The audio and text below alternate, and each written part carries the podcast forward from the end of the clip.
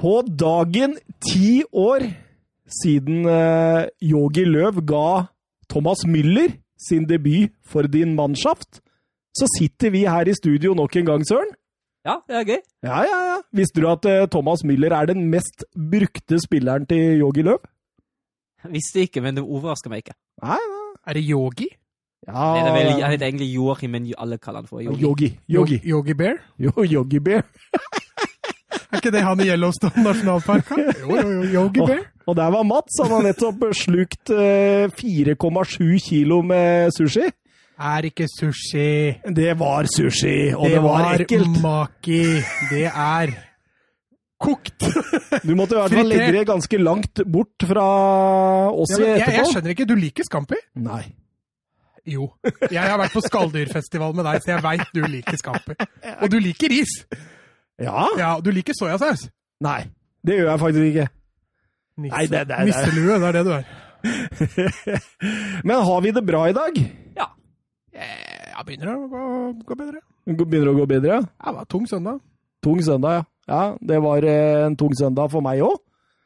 Litt lettere enn for deg, eller? Ja, sånn halvgrei. var jo lettere å komme tilbake til 2-0 istedenfor å rote bort eh, 2-0 eller tape kamp, eller ja.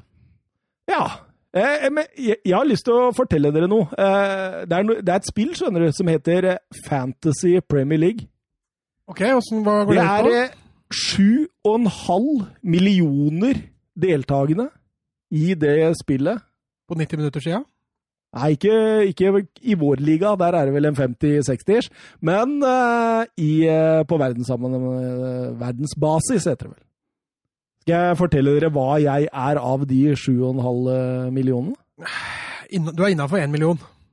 Ja, så det synger etter. Å, så du synger, da? Ja, Jeg er på 4249. plass. Det er godt jobba. Leder du 90 minutter-ligaen nå, da? Eh, Så det synger, men 60-70 poeng. Jeg ligger nesten topp i samtlige ligaer. Jeg i sentralpubligaen, vet du, som eh, har denne nydelige reisen til England eh, med reiseopphold. Der ligger jeg bare 25 poeng bak. Magnus Carlsen? Nei, han er ikke med der. Men, men jeg ligger ikke voldsomt langt bak der heller, altså. Så jeg, jeg, jeg driver og sniffer på verdenseliten. Det er gøy! Åh! Jeg så du var litt aktiv også på, på Facebook og spurte litt hva du burde gjøre der. Ja, ja, fordi jeg er litt i villrede. Jeg tror jeg sparer byttet denne gangen, for å være helt ærlig. Men jeg, jeg, jeg er litt lysten på Girono, for han uh, har begynt å spille seg inn i Chelsea-laget. Ja, sterk kamp mot Bayern. Ja, men han, han er bra, han, altså. Det var ikke noe fantasypoeng der, da. Nei, men han, han er bra, han. Ja, jeg har ikke sagt noe annet, jeg. Ja, men jeg skjønner ikke hvorfor de har drevet og surra med han Michu Batshuayi, liksom, som ikke kan treffe ballen engang. Når de har Giro, liksom. Men eh, ja, nei, skal vi, skal vi bare kjøre i gang med ti spørsmål, eller? Jeg veit dere har gleda dere hele uka til den. Du sitter og klapper deg på huet, Mats. Du har... Det er på tide å vinne nå. er du klar, eller, Søren? Ja, jeg er klar, ja. Ti spørsmål. Jeg eh, har prøvd å gjøre dem så rettferdig som mulig. Så får vi se hvor dette bærer hen. Og da kjører vi rett over på spørsmål én. Eh, husk at dette spørsmålet her er fotballrelatert. Spørsmål én, sånn at dere skjønner det. Fordi selve, ja, men selve spørsmålet Ja, dere vil forstå det. Eh, spørsmål én. Flyplassen het Madeira lufthavn frem til 2017. Hva heter den i dag, Mats? Søren Jeg tror det var Søren, faktisk. Cristiano Ronaldo-flyplassen. Ja, ja, ja. ja. Eh, vi, vi, fly, kan, kan du presisere litt? Det er Cristiano Ronaldo Airport. Ja, vil du, vil ja, det, er- det er greit. Eh, internasjonale lufthavn på norsk. Det er greit, Søren. Ett poeng. Eh, spørsmål to. Leicester vant Premier League i 2015-16-sesongen. Canté, Wardy og Mares, de mest omtalte spillere under det suksessfulle året. Men hvem var den noe merkelig stopperduoen deres? Ja, Eh, Wes Morgan og Robert Hutt. det er riktig. Riktig, Mats. 1-1. Spørsmål tre. Hvem har flest landslagsmål for Brasil? Mats. Ja. Pelé. 2-1. Godt jobba, Mats.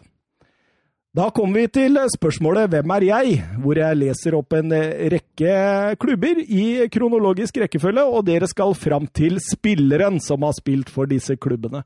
Og vi starter eh, karrieren i Tottenham, QPR, Portsmouth, Aston Villa, Southampton, Liverpool, Portsmouth, Tottenham, Stoke og Burnley. Søren. Ja. Peter Crouch. Å, riktig, Søren. Riktig, Søren. 2-2. Spennende og jevnt. Spørsmål fem. Bayern München har hatt mange store kapteinstyper. Kahn, Lothar Matheus, Rummenigge og Breitner osv. Neuer han tok over for Lam før 17-18-sesongen. Lam eh, hadde da hatt seks sesonger. Men hvem var kaptein før Lam?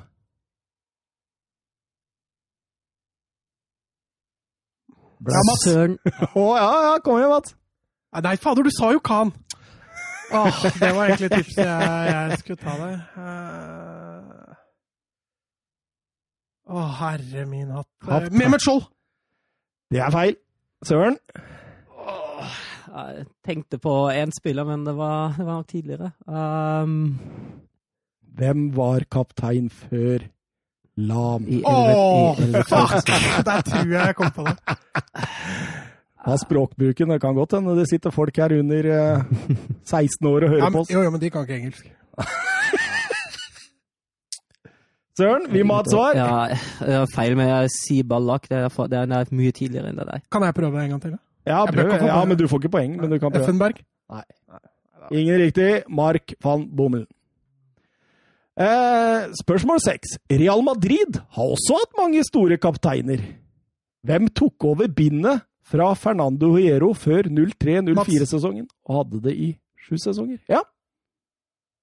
Det er sju sesonger, det. Mm.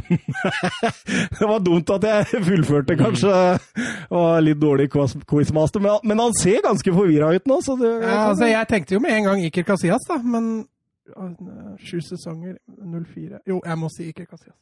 det er feil. Søren? 03-04. Sju sesonger. Mm. Jeg tror ikke Casillas tok, eh, tok over etter han her igjen. Raúl. Det er korrekt, Søren. Det er Raoul. Spørsmål sju. Tross sin unge alder har eh, Miquel Merino allerede rukket å spille i tre store ligaer. Nevn én klubb i hver liga.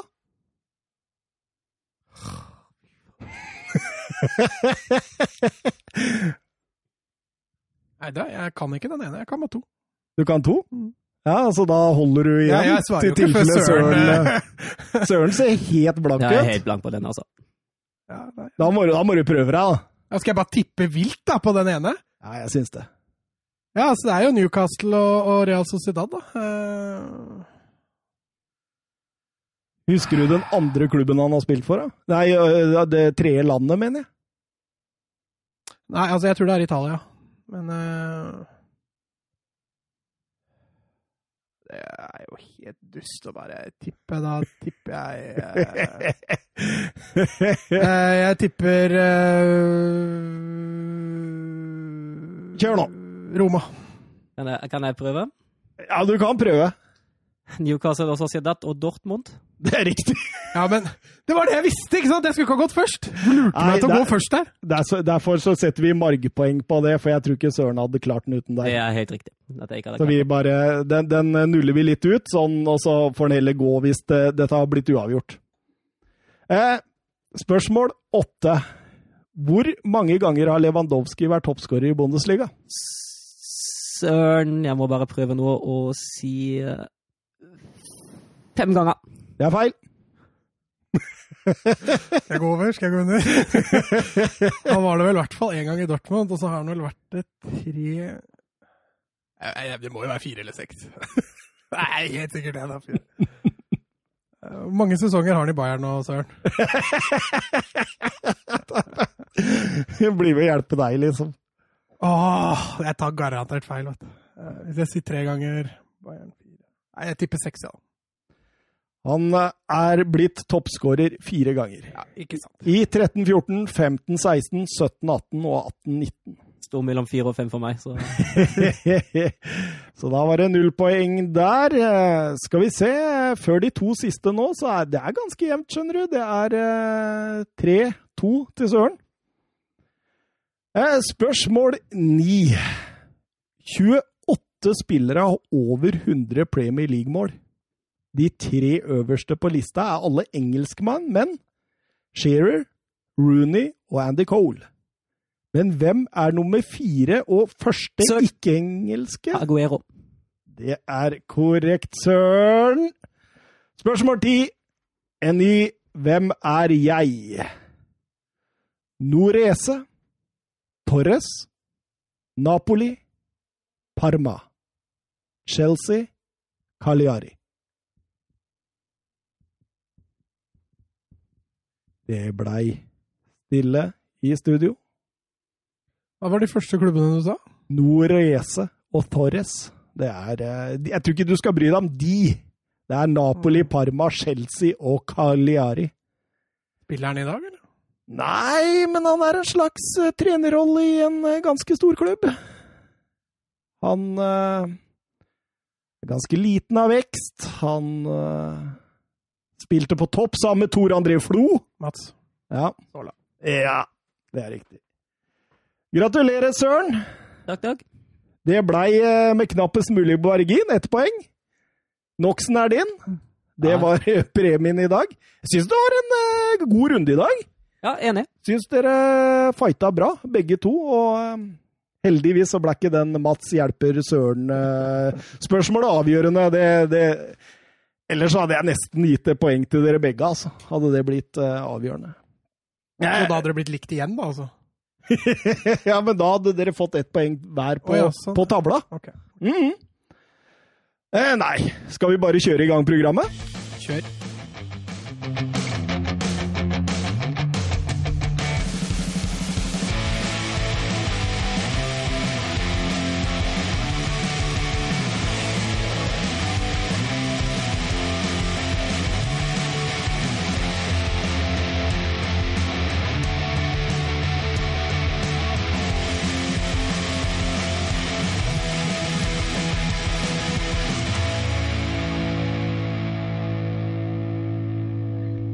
Ja, da er vi faktisk i gang igjen, vi. Og vi eh, snurrer eh, ballen mot eh, det engelske balleriket og ligacupfinalen. Vi må jo ta litt ligacup, Mats. Ja, jeg syns det. Ja, Når først er en finale, så da, da må vi være der. Det er ikke så mange finaler i februar-mars uansett. Nei, absolutt ikke. Dette var Aston Villa mot Manchester City. Eh, Nyland mot Aguero. oi, oi, oi, oi. Ja, for Nyland han starta denne kampen, han. Ja. Det er jo litt, u- ja, men det var jo litt uvanlig, egentlig, i forhold til uh... Men har han ikke stått alle kampene inn i ligacupen, da? Jo, det har han. Han har det, ja? Ja, Ja, han, da- spil, han sto spilte jo mot, uh, mot Leicester i semifinalen. Ja, stemmer, stemmer det. Ja, for det er jo Pepe Reina som har tatt over der nå pga. Tom Heaton sin uh, langtidsskade. Ja, jeg syns det er fair ja, for, av manageren å la Nyland få. Det var jo ikke hans skyld at det gikk som det gikk. Så. Men jeg tror han Dean Smith er en ålreit uh, type. Jeg tror han er en Real fyr. Ja, jeg tror det. Eh, ja, kampen eh, City presser jo Villa ganske raskt tilbake på banen, og eh, det tar jo kun eh, 19 minutter før eh, City liner opp et eh, pep-angrep, for å si det sånn. Ja, en, eh, en, en flanking ut på sida der, og Foden header tilbake igjen. og Fin, typisk eh, Guardiola-skåring. Ja, det, var, det, det er jo som tatt ut av læreboka hans, faktisk. Det er, jeg hørte Roar Stokke sa det òg. Jeg tenkte akkurat det samme. At det er jo ABC i Pep sin eh, angreps... Eh, på en måte Altså hvordan han vil gjøre det mot etablert, da. Ja, ja. Og Aguero er jo der selvfølgelig og setter 1-0. Um, 0-2 på corner. ja. Skulle vel ikke vært corner, Søren? Nei, det skulle det ikke. Altså, er det, er det er sånn at VAR ikke kan gripe inn på sånne situasjoner, da blir det corner og mål likevel. Ja, og, og de to beste de sto i soner, litt feilplassert faktisk. Begge to altfor langt frem mot første stolpe. Ja, altså det er litt sånn som Roar Stokke sa, når du skal møte City, du kan ikke tape dødballkrigen. Altså, da, Nei, det. da, er du, da er du ganske langt bak. det er den krigen du skal vinne, ja, liksom. den, den duellen må du vinne, og det er, det er egentlig katastrofe for Villa å slippe inn sånne mål. Altså. Mm. Eh, Katastrofe for Dean Smith på sidelinja. Ja, han var forbanna når eh, han så dette i replay, at det skulle aldri vært corner. Men VAR kan ikke gå inn på feilaktige cornere. Nei. Det er kanskje like greit, eller? Ja, ellers, eh, ellers blir det jo altfor mye vei i løpet av en, av en fotballkamp. Og så skal de, skal de, se, skal de fint se over alle cornersituasjoner. Det, det, blir- det blir litt for mye. Men de tar hvis ballene ute. Uh, ja, altså, de, Hvis de, ballen Ja, over i, sidelinja. I et angrep, ja. Ja. ja men, men de ser på en corner som en ny situasjon igjen. Jo, jo, men, men selve corneren gjør de jo ikke om på. Nei, det gjør de ikke. Det gjør de ikke. Men eh, Villa de kjemper seg inn i kampen igjen. De, El Ghazi der som et, sender et nydelig innlegg mot eh, Samatta, som knuser eh, på i eh, en stupheading der. Ja, det var vel John Stones som Ja, så Sorry, Så du det i forkant, eller? Det så så klovn ut! ser jo ikke ut som han har lært å gå ennå, når han bare faller. Ja, ja. Men Samatta, vet du, han er fra Tanzania. Husker du talentet mitt, han Kelvin John Mbappe? Ja, kallenavnet Mbappé, ja. Ja, ja. ja han eh, sa jo at eh, Samatta var hans eh, på en måte hva, hva er det det heter når du er mentor, heter det det? Ja, ja, ja men, Samatta hjelper han litt, da. Ja. Så det var litt moro sånn. eh, Altså, Tanzania, det er jo kun Det er Fotballnasjon. Ja, det, det, det er en fotballnasjon, det er det ingen tvil om. Eh, jublende prins eh, William på tribunen der også, du. Men ingen Jon Carew. Jubla ikke Karev, eller satt ikke han Karev? sto, sto ikke der. Nei. Han pleier jo å være der sammen med Piffen. Han er vel opptatt med heimebane 3, da. Ja, kanskje det. Kanskje det. Eh, annen omgang, Søren. Eh, syns eh, Villa gir City brukbar kamp? ja, jeg syns altså City er jo, er jo det beste laget, absolutt. Men jeg syns ikke City skaper voldsomt mye. Jeg syns eh, altså, Særlig kanskje mot slutten av omgangen at eh, Villa kommer, kommer til noen farlige situasjoner. Så ja, jeg er helt enig. Jeg syns Villa ikke, ikke gjør seg bort her i det hele tatt. Eh, stikk motsatt i den eh, Premier League-kampen for en liten stund siden, da de tapte 6-1. Slakt. Eh, men eh, tre minutter før slutt der, når Engels går opp, Bravo skyver i stolpen der, den er stor sjanse, altså. Og så hadde det nydelig keeperspiller oppe over deg. Det er en fantastisk redning. Ja, er det det? Jeg syns det. Jeg syns han går så rett på. Jeg, jeg reagerte også på Mats Den, diskusjonen her skal jeg bare holde meg unna. Den, den får dere Nei, ta. men, men jeg har ikke sånn standhaftige meninger om det. Men jeg synes, Jeg, jeg bare hørte kommentatorene skrøyt så voldsomt av redninga òg. Men jeg syns han går så rett på. Jeg syns han burde klart å dytte han vekk fra stolpen, da. Altså Ja. ut. Ja, nei, Vi veit jo at stolpe ut er en dårlig redning i din bok. Samme åssen skuddet er. Nei, for det, det for Ter Stegen sin redning mot Real Madrid, som vi skal litt innom litt seinere, det er noe av det sjukeste jeg har sett, faktisk. Ja. Nei, dere får ta den, den. Jeg melder meg ut. Guardiolas 25. finale som manager har vunnet 21 av de. Eh, For en statistikk. Ja, men så har han jo stort sett hatt det beste laget i forkant av den finalen nå, så Mhm. dette her var vel en av de finalene han har vært i hvor det var mm, veldig forventa at han skulle vinne òg, da. Det var jo det. Eh, det er som du sier, en andre omgang. Der kunne jo i verste fall ville ha fått en scoring. ja. Det ville jo vært et sjokk. Ja, ja. Og når du kan til og med koste på deg å hvile Kevin De Brøne i en finale, da, da har du et overlegent lag på papiret, ja, tenker jeg. Laporte var ikke med, og Otamendi Ja, ja, var ikke det noe styrkesvakhetstegn eh, i og for seg, men uh, han har jo flere. Bernardo Silva starta vel heller ikke. Så. Nei da, men han blir jo rullert så det synger, ja. Ja da. Det er, det er jo Pep-ruletten, det. Mm. Men Foden fikk prøve seg, det var, det var gøy. Ja, jeg syns han var sterk Han kom også veldig bra fra det. Ja, han er bra, han. Han er bra. Eh, videre til eh, Premier League. Eh, Norwich eh, ble spilt eh, fredag kveld. Det er deilig å sitte seg ned etter jobben og kose seg med fotball på fredag kveld. Ikke taco. Eh, Tikki taco?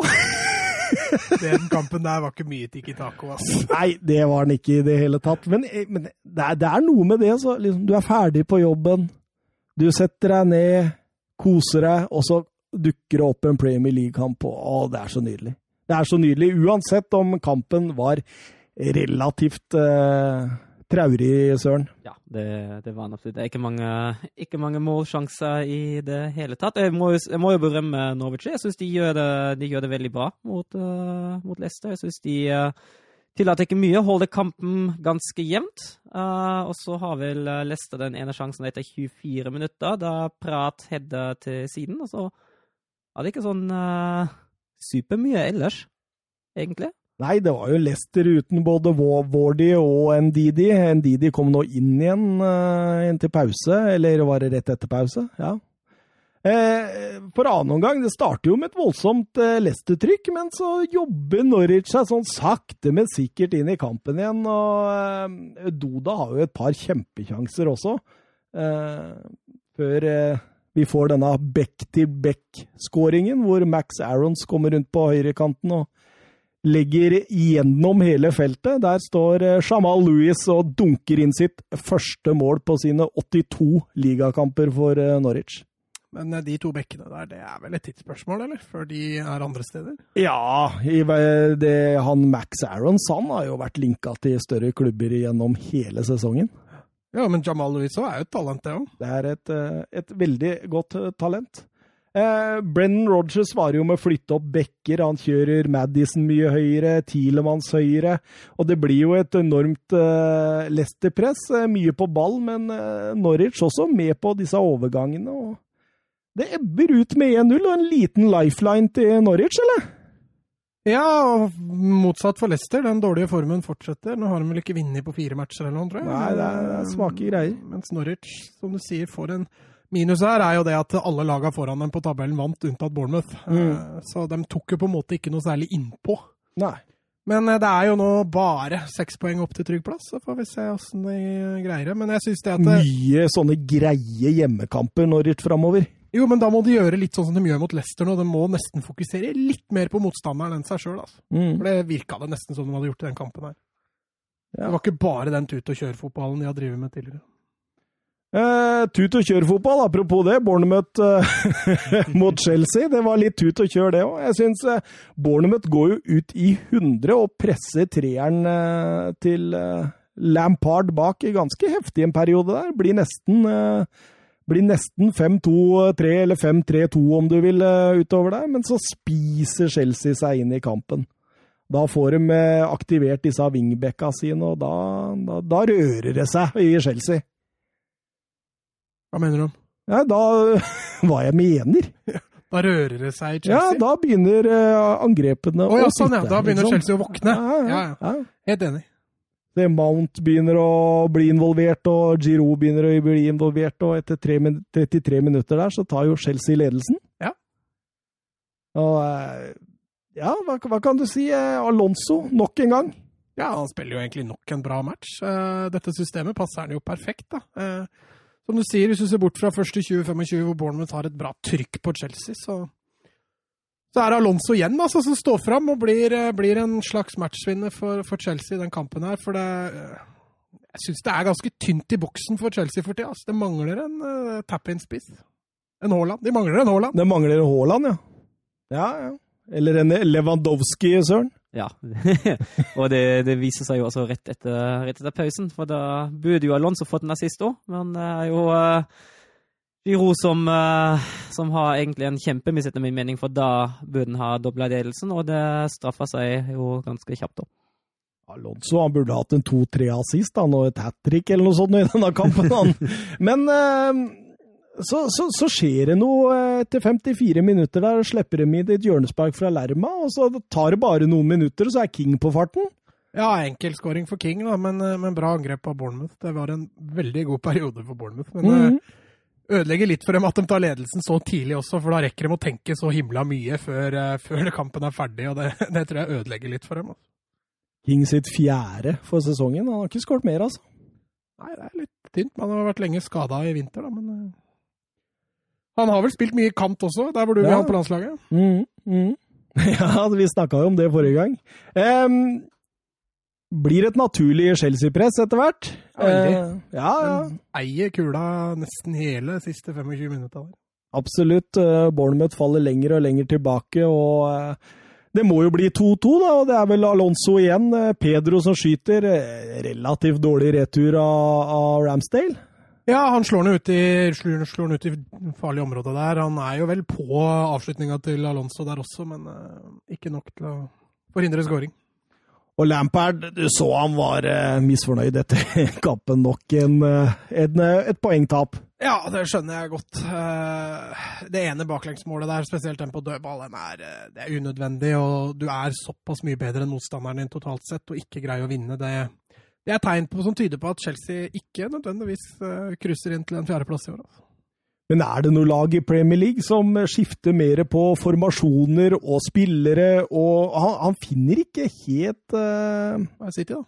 Ja, ja, kanskje det, men altså det, det, er jo mer på en måte Guardiolas på en måte visjon og måten, men, men Lampard jeg tror han har lyst til å sette sette det litt mer, men han får ikke satt det. Ja, Han finner ikke løsningene, det er det du mener? Ja, han finner ikke konstellasjonene. Tre bak, det er fire bak, det er fem bak, det er uh... Og så er det så tydelig på enkelte spillere å gjøre det bra i én formasjon, mens mm. andre ikke fungerer i den formasjonen. Ja, ja, det er der han uh, sliter litt. da. Ikke sånn, For eksempel i denne formasjonen så er jo Mount Den passer jo Mount et strålende, ja, ikke sant? Og, og Alonso. Ja, ja.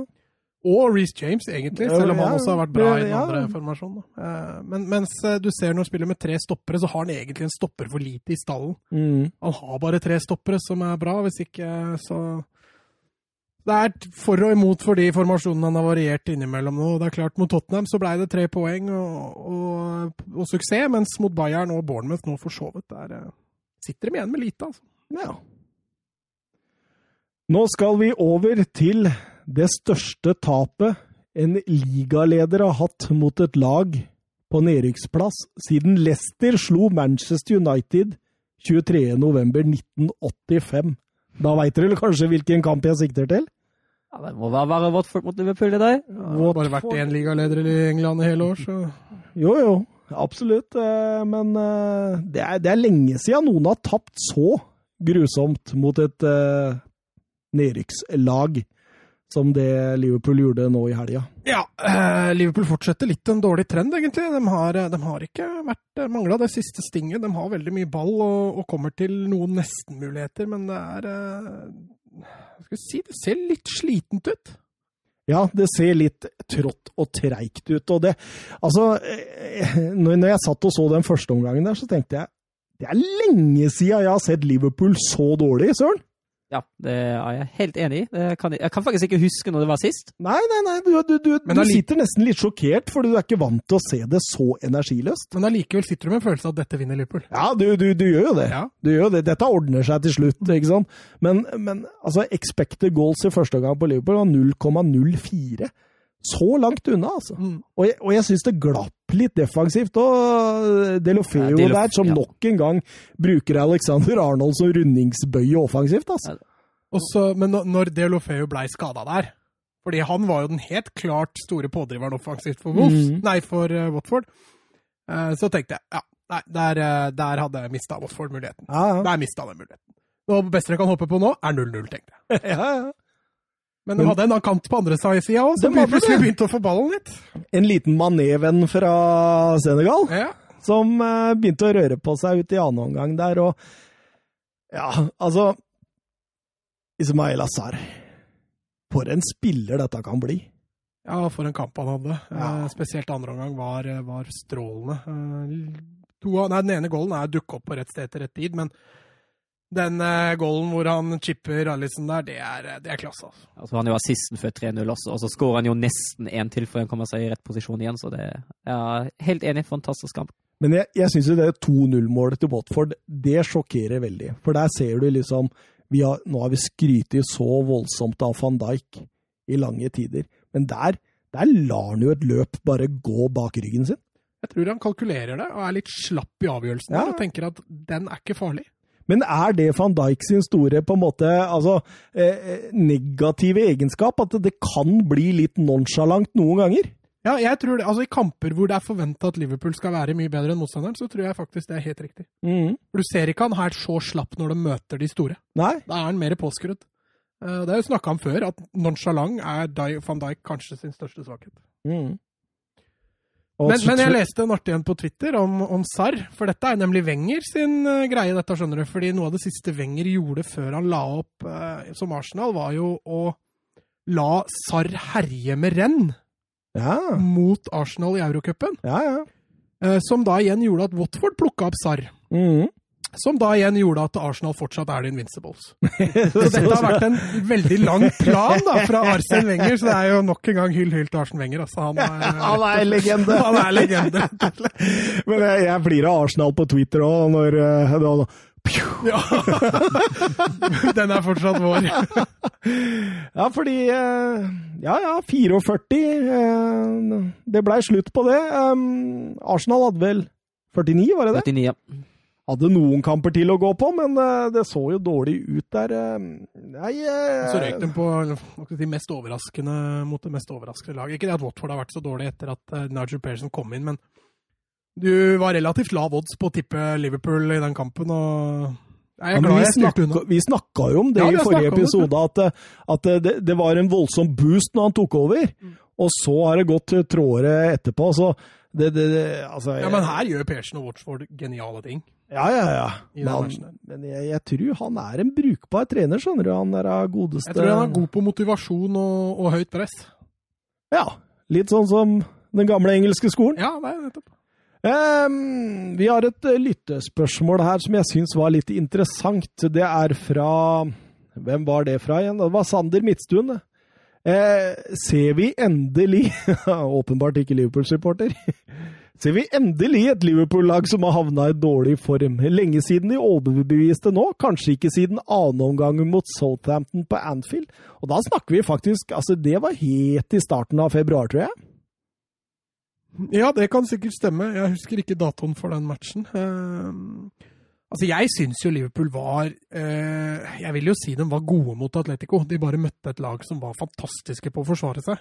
Eh, de gikk i skudd og blokka, og, og alle avslutningene til Liverpool gikk enten i blokka eller utafor. Men de fikk ikke forløst det. Men de siste Premier League-kampene til Liverpool har vært langt under pari av hva vi har vært vant til å se Liverpool gjøre. Tror du det sitter mentalt, at de allerede Jeg vet de- at de har vunnet ligaen? Jeg tror de trengte det tapet der. Ja. Jeg tror de trengte det. Du tror at Bornemøtt kommer til å få så hatten passer på Anfield i neste helg? Ja, ikke kanskje så hatten passer, men at de nå tenker at uh, hvis vi senker garden nå, så er det Altså, de kommer jo ikke til å tape Premier League-tittelen på det, Nei, de kan jo fort tape resten av kampene og allikevel vinne Premier League. Jeg leste noe i avisene nå, Søren, om at uh, de spekulerte i at eh, Liverpool kunne tape Premier League pga. koronaviruset. At de kommer til å avbryte hele greia i England hvis det Ja, Jeg tror, jeg tror det er det eneste som kan stoppe Liverpool fra å ta, å ta ligagull, altså. Det er noen United-supportere som har starta det. Endelig! Og så bare koronavirus. Nei, jeg har ikke noe trua på at det, Nei, det hadde ikke Klopp heller, hørte jeg. Jeg har ikke noe trua på at det der blir en realitet ennå, men eh, jeg tror absolutt Liverpool kom, kan våkne litt, og de trengte det tapet her, for det har, vært daft i det siste. Uh, Det er, det, det er som når Mike Tyson og Mayweather og gjengen vet du, begynner å slåss litt. Hvis, hvis de er litt sånn nedpå, og så får de seg en på trynet, så våkner de litt. Ikke sant? Ja. Kommer de i, i stemning igjen. Eh, Jeg også tror det er litt det, at, eh, at eh, jeg, jeg tror Bornermøt kommer til å, å få kjørt seg ja, nå til Nei, jo, altså. de spiller jo kamp i dag, da. Ja, Liverpool? Ja. Ja, den, eh, den har ikke jeg fått med meg. Var FA ja. ja, ja. Chelsea? Nei, jeg bare tenker i morgen FA Cup, jeg, vet du. Ja, det skjønner jeg. Ja. Mourinho endelig ut av FA-cupen, så jeg slipper å sykle. Nei, du skal Norwich, sykle Norwich er i kjempeform for tida, du veit det? Ja, for det er ikke Tottenham. Nei, det er helt riktig. Den formkurven peker stikk motsatt av hverandre. Har du sett åssen lag de stiller? da? Stiller de noe Nei, jeg har ikke vært inne Ja, dette her Jeg skal var, se kampen i reprise etterpå. Så. Ja, nei, det, dette var sterkt B-prega, så Fra Liverpool? Ja. Men da har de en friuke nå, da, og så stiller de på blanke ark igjen mot Bournemouth. Hva tror du, Søren? Tror du det er formnedgang, eller tror du de våkner nå? Nei, det var jo litt vanskelig å si, men jeg, jeg er faktisk enig med, med Mats òg.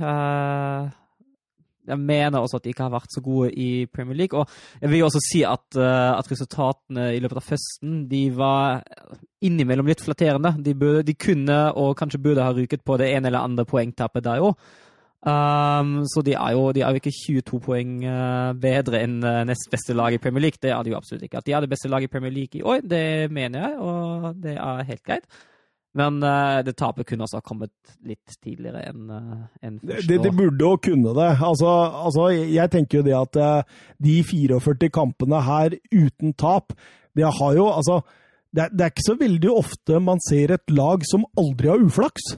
Men Liverpool har jo aldri hatt uflaks, på en måte. Altså, at, det- at det, Nei, ikke som har vært avgjørende, i hvert fall. Nei, ikke sant? Det er det som er tingen.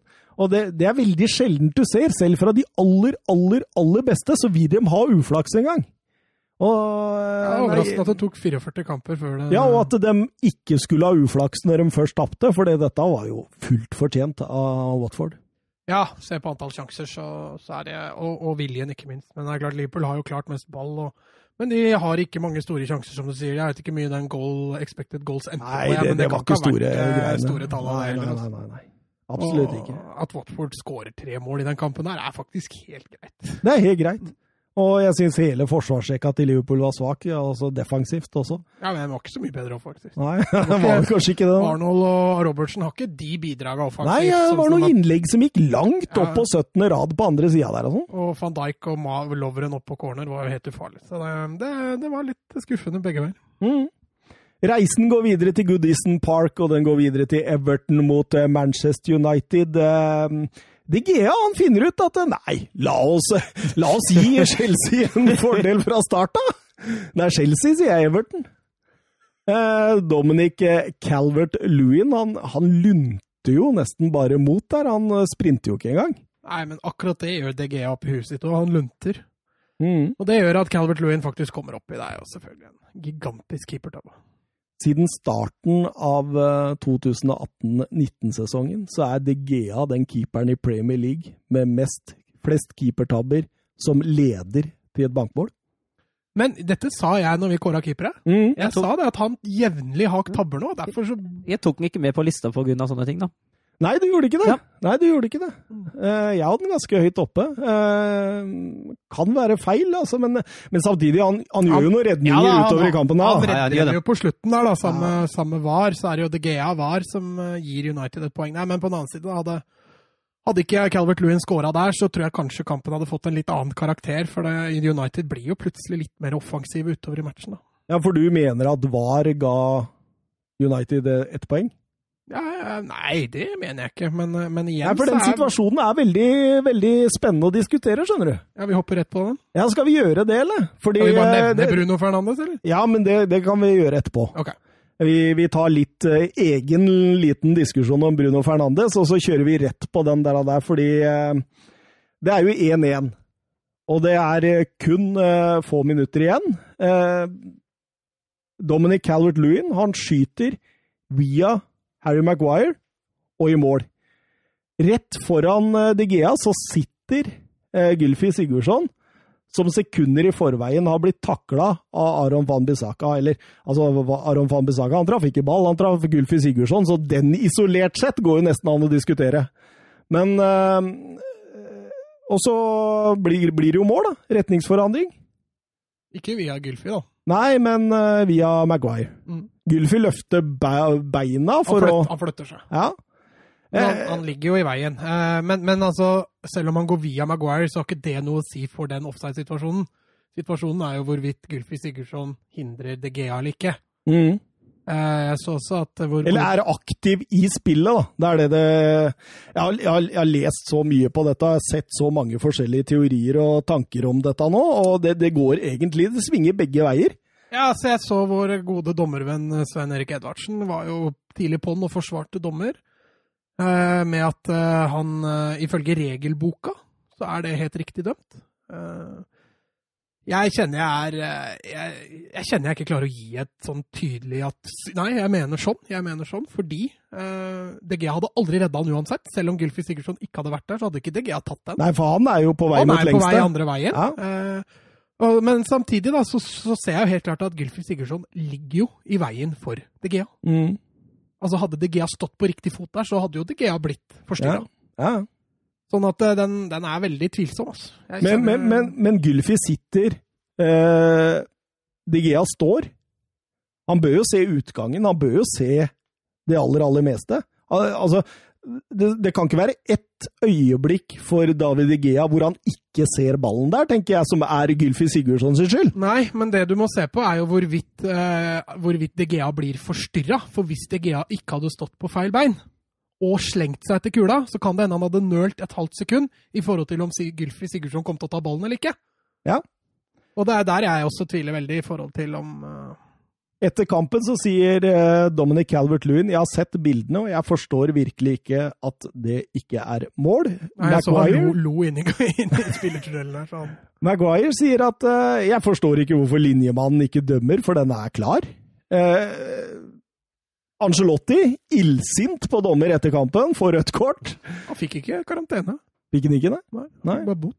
Ja, Hadde det vært Diego Simione, har 17 kamper på Ja, han, eh, han, det, han, det Ancelotti sa etter kampen, var at han, eh, han ble utvist fordi det, ble, det var en liten misforståelse. så Han gikk inn i dommerens garderobe og snakka, lenge med ham etter kampen for å oppklare litt i, i det som hadde skjedd før. Eh, han ville ikke snakke om hva det ble snakket om, men eh, ja, det kan godt hende at det røde kortet var litt Altså, det var jo heat of the moment. Så Ja. For min del så spiller det ingen rolle om han blir suspendert eller ikke, men uh... Didrik Tofte Nilsen han spør på Twitter var United eller var det riktig kort? Ja eller nei, Mats? Var det riktig? det der, som jeg akkurat sa, da, jeg sliter veldig. Uh, Kort? Så jeg Ja eller nei? ja. Det var riktig. Du, Søren?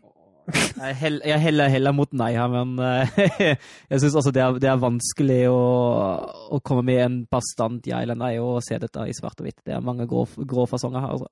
Jeg, jeg tenker jo at i utgangspunktet så er jo ikke jeg så veldig fornøyd for hver eneste United-poeng. I og med denne sykkelturen og alt det der. altså. ja, er ja. Og, når, og, og da satt jeg og tenkte på uh, hva mener jeg? Og jeg, jeg mener faktisk at den er grei. Jeg mener at den kan forsvares, at det er eh, offside.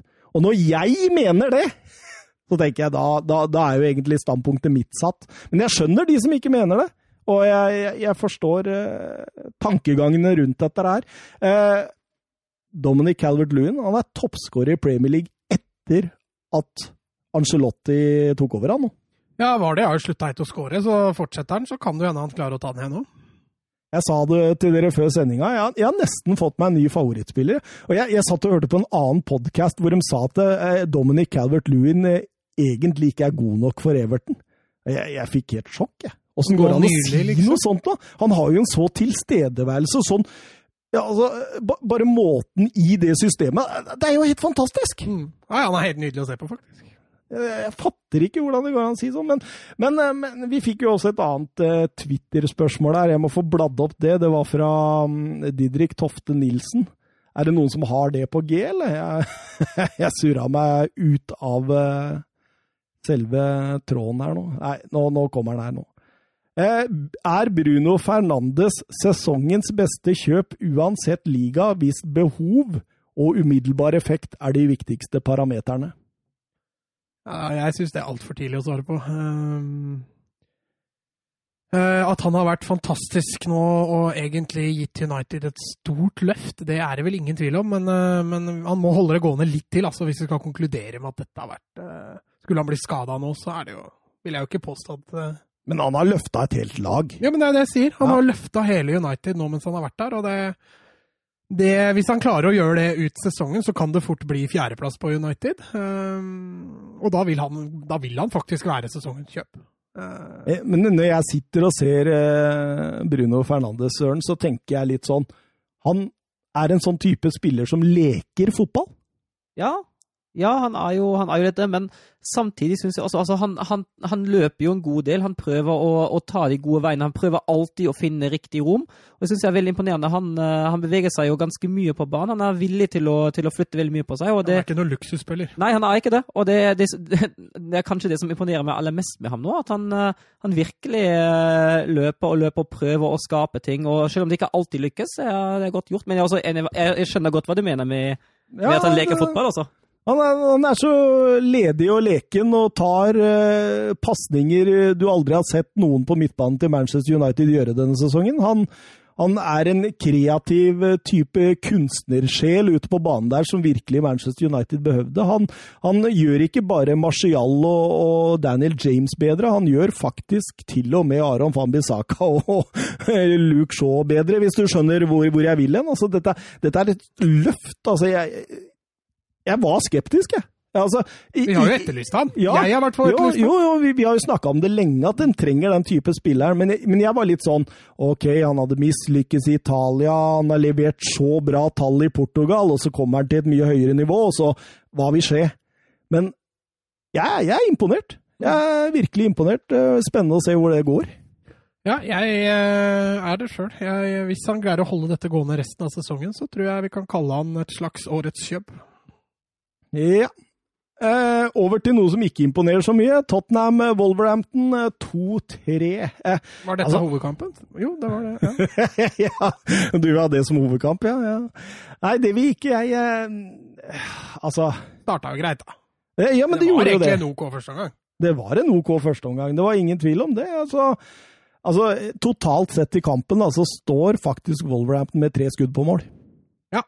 Eh, Tottenham har Altså, ikke ifølge, ikke ifølge min fotball, der har de fire, da. Ja, ok. Ja, men det er sikkert fordi de tok redningen til Gazaniga før 2-2 der, som eh, Yota setter i mål. Ja, det kan godt. Så det kan godt hende de teller det som to. Ja. Men utover Jeg det kan ikke si jeg husker spesifikt en egen fjerde situasjon der, nei. Så det, Nei, du- det stemmer nok helt sikkert. Nei, men Gazaniga er nede og, og, og redder før 2-2, og så pirker Yotaen i mål. Hva, hvorfor spilte ikke Loris? Eh, skada. Ja.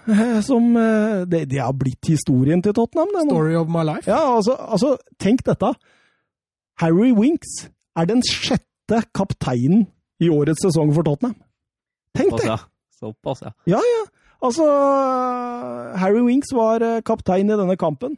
Eh, Før han så er jo kaptein Joris, visekaptein Kane og eh, tredjekaptein Jan Fertongen. Har jo alle vært kapteiner i denne sesongen. I tillegg så har jo Toby Alder Weireld vært kaptein, og Ben Davies. Så det sier jo litt om hva man har slitt med i den klubben denne sesongen, da. Men Ben Davies spilte jo.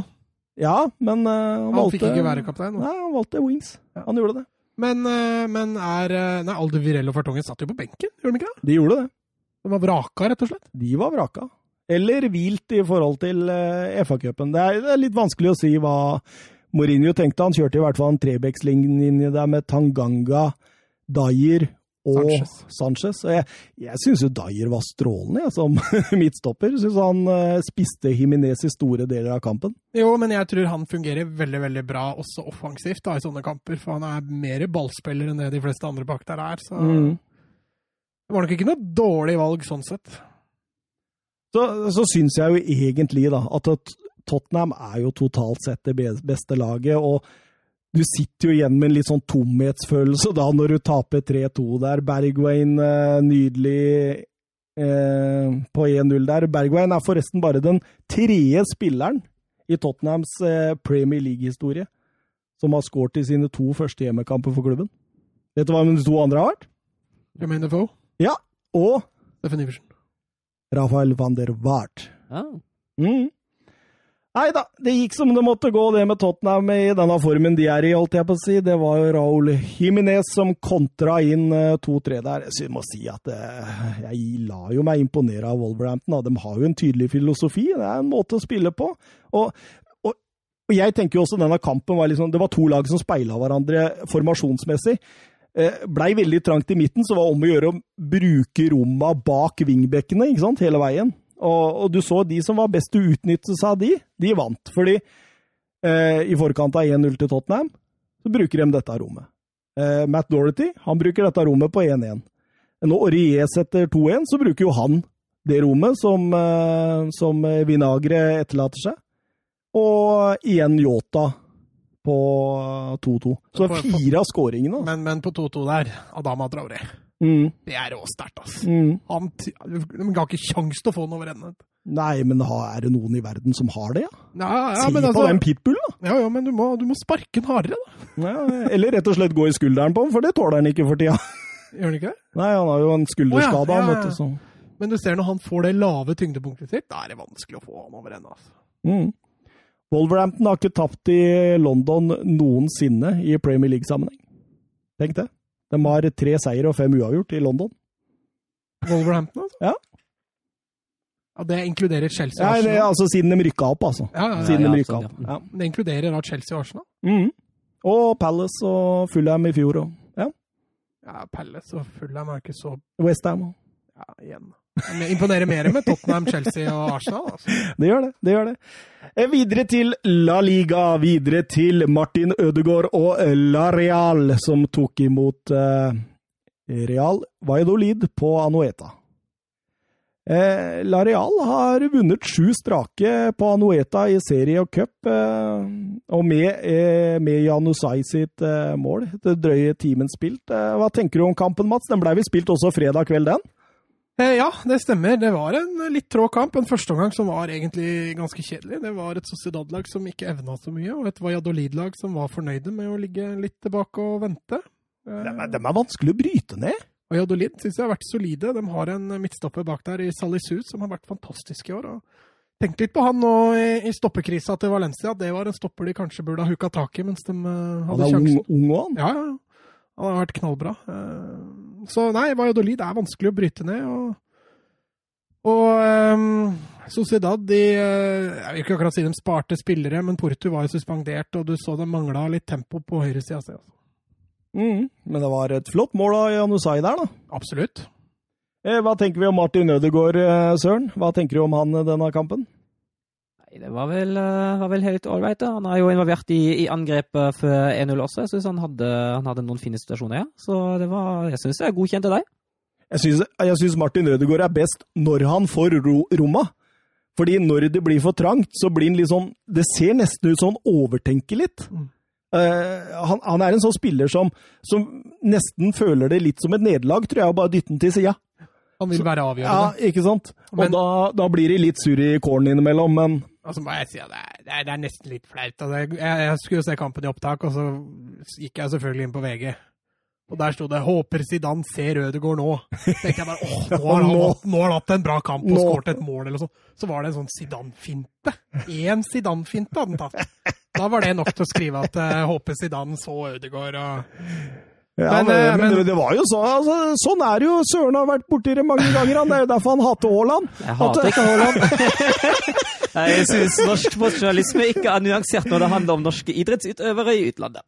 Ja, men, men, men altså, se hva Solskjær spiste til middag Oi, Jo, la, la, han klarte å lage den sjøl! Altså, sånn var det jo en periode der også, før eh, Solskjær eh, men, men jeg må jo si han gjør en OK kamp. Altså. Det er ikke det at han spiller dårlig. Men eh, det var liksom sånn overskriften til VG der, så forventa du nesten hat trick, liksom. Men en annen spiller da, som jeg har latt meg imponere av de siste ukene, han spilte virkelig dårlig. Alexander Isak. Det var en svak kamp, altså. Ja, han har to svake kamper nå. Mm. vi hylla han jo litt etter en veldig god periode. Han har blitt en yngling i Sociedad-fansen. Eh, to siste kampene har kanskje gått litt i huet på han. For nå har han vært litt uh, lite involvert, og José, William José må inn der etter hvert, og det skjønner jeg godt, det byttet der. altså. Absolutt. Eh, Med tre poeng i hengekampen de har på de andre topplagene der, da, så er de jo oppe på tredjeplass, Mats. Ja, det stemmer på en prikk. De, eh, de henger greit med. Det er ikke nødvendigvis kun eh, Sociedad sin skyld. De har jo tre seire på rad nå. eh, Fire på de fem siste, så det glir jo godt. Og så lenge laga foran fortsetter å halte litt Atletico er jo fortsatt ujevne. eh, Sevilla er fortsatt ujevne. Getafe har vært for så vidt jevne, men har hatt en dårlig periode. Da har de eh, god heng, altså. Ja. De skal sies siste vinner i hengekampen, så er de A-poeng med Sevilla. da. Ja, de er det. Og det er vel, men det er målforskjellen som gjelder i Nei, det er innbyrdes, Det det. er innbyrdes. Og der eh, vant vel Sevilla i hvert fall 3-2, syns jeg husker. Ja, jeg også mener å huske det. Det er vel returoppgjør nå med bare et par uker, så det kan bli avgjørende, det. Det er dårlig. Ja. Det- Åssen er det i Tyskland? Er det Det er målforskjell i deg. er målforskjell, ja? Jeg, jeg, jeg er faktisk best, helt enig. ass. Jeg syns Ja. det der innbyrdes oppgjør er, er noe tull. det, det, det er så tilfeldig. Jeg syns målforskjellen gir et litt sånn bedre bilde over en hel sesong. da. Jo, jo, men, men hvis du havner likt med et annet lag på, mål, på, på slutten av en sesong, så har mest sannsynlig begge laga hatt en god sesong. Ja, Det er jo ikke sånn at eh, det nødvendigvis bare blir urettferdig, men jeg, men jeg er helt enig. Eh, Det er litt slitsomt å sitte og passe på hvem, eh, hva resultatene ble helt, ja. Valencia mot Real Betis på Mestalla, og først av alt dette jævla korpset. Jeg irriterte meg så voldsomt av det korpset! Altså, det var jo altså, i, I en første omgang som var ganske kjedelig, da, så var det jo 75% fotballkamp og 25% korpsopplevelse på den kampen der. Det var jo helt Og det var litt glissen på tribunen òg, så det korpset det bare fikk liksom first row, liksom. Men Syns du det var så kjedelig? Jeg, sy- jeg blei egentlig litt positivt overraska. Jeg, jeg, jeg syns annen omgang var bra. Første var dårlig, syns jeg. Men jeg, altså Valencia som har vært så dårlig, og vi har snakka dem ganske hardt ned de siste ukene. Og, men altså, når du da forventer så lite av Valencia, så slår de tilbake. Og det de driver med hele år. Altså. Jo, jo, men altså, den første omgangen ah, Der, der syns jeg både Celades og Ruby omtrent eh, dem, dem, det, det er som en boksekamp, for å dra den referansen igjen. De står og bare sparrer mot hverandre. Det er, det er ingen som eh, tar eh, noe spesielt tak. Jeg syns annenomgangen er mye bedre. Da, da koser jeg meg. Da koser jeg meg. Blei mer fart i andre. Det gjorde det. Jeg syns Betis også åpner best i annen omgang der. Eh, Har vel en i tverra der med Fikir. Nei, Jeg syns Betis generelt denne sesongen egentlig har fått dårlig betalt. Altså. De, de har vært bedre enn det poengfangsten har tilsagt i år. og Nok en gang, altså Dette var en helt jevn kamp med Valencia. Eh, Et uavgjort resultat hadde vært, eh, vært mer fortjent. eh, Men Valencia trakk det lengste strået. Ja, jeg syns også eh, Celades han, han flytter jo presset høyere i annen omgang, og det lykkes de jo med også. at da, da får ikke Betis spilt så enkelt ut, og de mister litt kontroll på, på kampen. og Jeg syns jo det er en veldig god Valencia-periode når Gameiro setter eh, 1-0 der. da. Ja, fin skåring òg. Ja, absolutt. Absolutt en klasse, klasseavslutning fra en spiss. Skal jeg gi deg noen morsomme tall angående Gameiro og La Liga? Ja. Eh, han kom jo til La Liga i 13-14-sesongen. Vet du hva, hvor mange mål han har utenfor boks? Og det er så morsomt! Ja, ja. Altså, for, for dette var en- Nei, han har tre! Tre. Tre mål utafor boks siden 13-14-sesongen! Det, det er spinnville tall, altså! Men han er jo en, en, en boks-goalscorer, da. Så han, er, han har fart som et av sine store styrker i bakrom, og da kommer du ofte aleine med keeper, da. Da blir jo gjerne avslutningen innafor 16. Og når eh, Daniel Parejo skårer mål, da vinner eller tar eh, eh, Valencia som regel i hvert fall poeng. Ja, fin, fin skåring det også. Og Parejo nå, altså, nei, I den kampen her ser du hvor litt avhengig Valencia er av Parejo. Eh, nok, eller nok en, endelig en god kamp igjen etter et lite avbrekk fra Parejo. Og da tipper gjerne Valencia kampen i sin retning. Altså. Ja, jeg så Jeg husker ikke hvor jeg leste det, men jeg mener jeg så det et eller annet sted at han var den spilleren i La Liga som hadde skaffet laget sitt flest poeng denne sesongen med avgjørende skåringer eller assist. Ja, det hadde ikke vært overraskende, egentlig. Eh, Loren Moron eh, skårer jo et trøstemål på slutten der, som gjør at du i hvert fall øker pulstakten med rundt ti slag i minuttet, i hvert fall sånn de siste minutta, men eh, Ja, de gjorde det mer spennende enn nødvendig der, eh, Valencia. Men, men Moron, da, som er altså Han har vel ti mål i år så langt. Han har starta mye på benken, og det er som en det er som et nederlag litt, da, tror jeg, for Betis, fordi de vil ha i gang Borja Iglesias. Altså, det er jo et men han kommer jo ikke i gang. Ja, ja, så, så langt har han slitt veldig, da. Eh, og det er liksom sånn prestisjesak for Rubi, da. Tatt med seg Bor- Borja fra Español, og så sliter han såpass mye med å skape målsjanser, mens du da har en egenprodusert spiller i Loren Moron som ja, Hadde han starta flere kamper, så hadde han jo fort hatt en fire-fem goller til også. Det, Mm. det, er, det svir nok litt ekstra for Betis-fansen at eh, de har gjort det såpass mye ut av Iglesias. Altså. Ja. Sevilla Osasona, Søren, fikk du med deg den, eller? Ja, håndballkampen tenker du på? ja, det, det var artig kamp. Ja, absolutt. Syns jo han Nesiri eh, virker jo som et bra kjøp. Ja, han var eh, frisk. Eh, veldig frisk, egentlig, syns jeg. Eh, Riktignok periodevis, men eh, etter den første omgangen der Sevilla egentlig hadde god kontroll og leder eh, for, forholdsvis fortjent 2-0, så, så klarer de jaggu å ødelegge for seg sjøl i andre omgang mot én mann mindre. altså. Ja, tenk det! Altså, når, når eh, Herrera fikk rødt kort der ti minutter ut i andre omgang eh, Var det VAR som tok den òg, var det ikke det? Japp. Det tok jo, gikk jo Men- ut til, til skjermen, og det tok jo litt tid før han bestemte seg. Ja, jeg skjønner det òg, for det var Ja. ikke selv på VAR-bildene Ja, så får du ikke noe godt inntrykk av hva, hvor ballen treffer. Og det er litt innpå det der igjen med at når du bruker så lang tid, da burde du la det gå, altså. Mm. Samme gjelder offside. Ja. Klarer du ikke å se de fire centimeterne han er i offside, så la det gå. Ja. Men de konkluderer med at det er en hands. Jeg tror det var en hands. Jeg tror han spretter opp i ja, handa. det så sånn ut, altså. Og det er klart at en keeper utafor 16 som tar ballen i henda, det er jo rødt kort. Ja. Eh, Så de har jo regla på sin side, men det går vel fem minutter der, altså. Det gjør det. Først hvor det var diskuterer seg imellom, og så, når dommeren går ut, så går det fortsatt halvannet minutt hvor han står og titter på den skjermen. Det er litt for lenge. Det var det, det, var det Ja. Premier League ville unngå. Ja. Ja, men han burde jo kanskje ha bare blitt sendt ut til skjerm med en gang, istedenfor at hva diskuterer i, uh, i tre minutter Mm. uten at han går ut. Hvis han hadde bare gått ut med én gang, og hva hadde hatt diskusjon parallelt til at han ser på, hadde jo alt dette her foregått mye kjappere.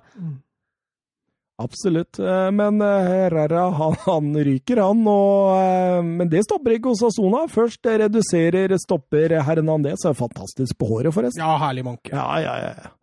Eh, og ti minutter etterpå så får de straffespark etter et hens i feltet, og Roberto Torres eh, skårer fra 11-meteren. Ja, der er det vel to ting VAR ser på, for dommeren dømmer vel corner eh, først. Eh, VAR titter på dette. Først må de jo vurdere om det er hens, og så må de vurdere om det er innafor 16. Så det gikk nok en gang tre-fire minutter, og så måtte dommeren ut. Så det var litt samme leksa som, som sist. og jeg veit ikke om de lot seg påvirke litt av den avgjørelsen de hadde tatt eh, på, på Herrera der tidligere. Det er ikke godt å si, altså. For den, den er, ja, altså ja, det er en soleklar hens, og det blir jo påvirkning, men den Men det var noen sånne hens-situasjoner i La Liga denne, denne Ja, det har vært runden. flere. Ja, eh, Og igjen, da, så ta, er det ikke noe sånn voldsomt rød tråd over det. Nei, ellers, så- det er jo ikke det.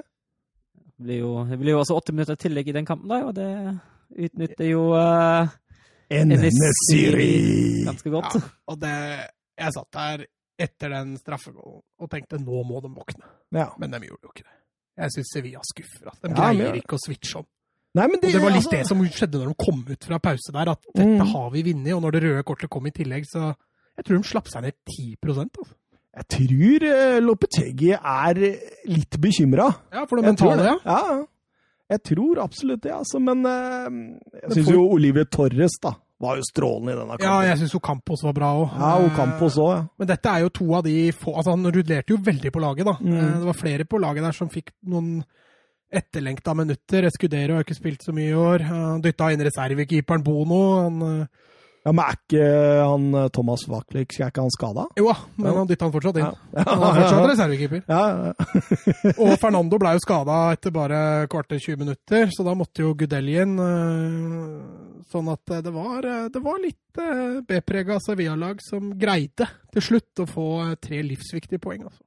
ja, han godeste Enesiri, han har skåret fire mål på ti Sevilla-kamper. Eh, de Jong, han har fem på 30, så da kan vi bare gjøre matematikken her. Ja, hva da? Gjør matten, da. At eh, Enesiri er ganske mye mange mål er det per kamp, Thomas? Få høre, da. effektiv. altså, altså, det blir jo rett eh, i underkant av et halvt mål per kamp da, for Enesiri, og så blir det vel eh, 0,20 Eh, 0,167. Jesus, er det riktig? Han er, han er høyere utdanna, Mats. så Ja, det skal dobbeltsjekkes etterpå. eh, Søren. Español Atletico Madrid. En forferdelig svak førsteomgang, Atletico Madrid. Ja, jeg syns de ikke er så veldig mye bedre i andre omgang heller. Nei, de er ikke det. Eh, Jeg syns Español har, de har én oppgave der, virker det som, og det er å ødelegge mest mulig for, for Atletico Madrid. Og, et Atletico Og det pleier jo å være motsatt, egentlig. Ja, men her er jo situasjonen helt annerledes. Español helt i bunn, og Atletico kjemper om Champions League. Så. Men uh, snakker vi redninger i tverrliggeren her òg, eller? Det var jo uh, strålende opplagt, dette. Det er helt den er. Den er helt den. fantastisk, den han gjør der på Victor Sanchez sitt skudd. Mm. Den er strålende. Det er, det er viser Oblak at han er en av verdens klart beste keepere. Ja, ja, ja, definitivt. Eh, men han skulle, slått den, han skulle ikke ha slått den i tverrleggeren, han skulle slått den over. Det var ikke helt Men jeg syns litt synd på Savic der, da. Ja, nei, er jo bare for, ja, der, der, der, der kan du ikke gjøre noe, blir pressa av Raúl de Thomas der og Jo, men det er bare tilfeldig. Raúl de Thomas treffer jo ikke ballen reint heller. Det er ikke, han prøver ikke å skyte den i Savic i mål der, så både Savic og Oblak blir jo satt ut av spill. Så, men Raúl de Thomas nesten så han greide å skåre i sine seks første Ja. Eh, kamper for Spanjol. Så Vi snakka jo om at han kommer til muligens til å redde Español. han eh, kommer muligens til å gjøre det. Eh, Vi skrøt jo han før sesongen, eller jeg skrøt av han før sesongen da han gikk til Benfica, men det viste seg å bli flopp. Ja. ehm, Atletico Madrid, altså denne tralten her. Den tra det er den samme tralten hver gang, og så plutselig så er det et par kamper. Oi, Ja. nå svinger det litt Jeg også! Jeg skulle til å si det. Det er flere som har friskmeldt Atletico nå. Eh, Etter Villarreal og Liverpool-kampen så har man tenkt at ja, nå er de på gang igjen. I dag var det et skritt tilbake. Altså.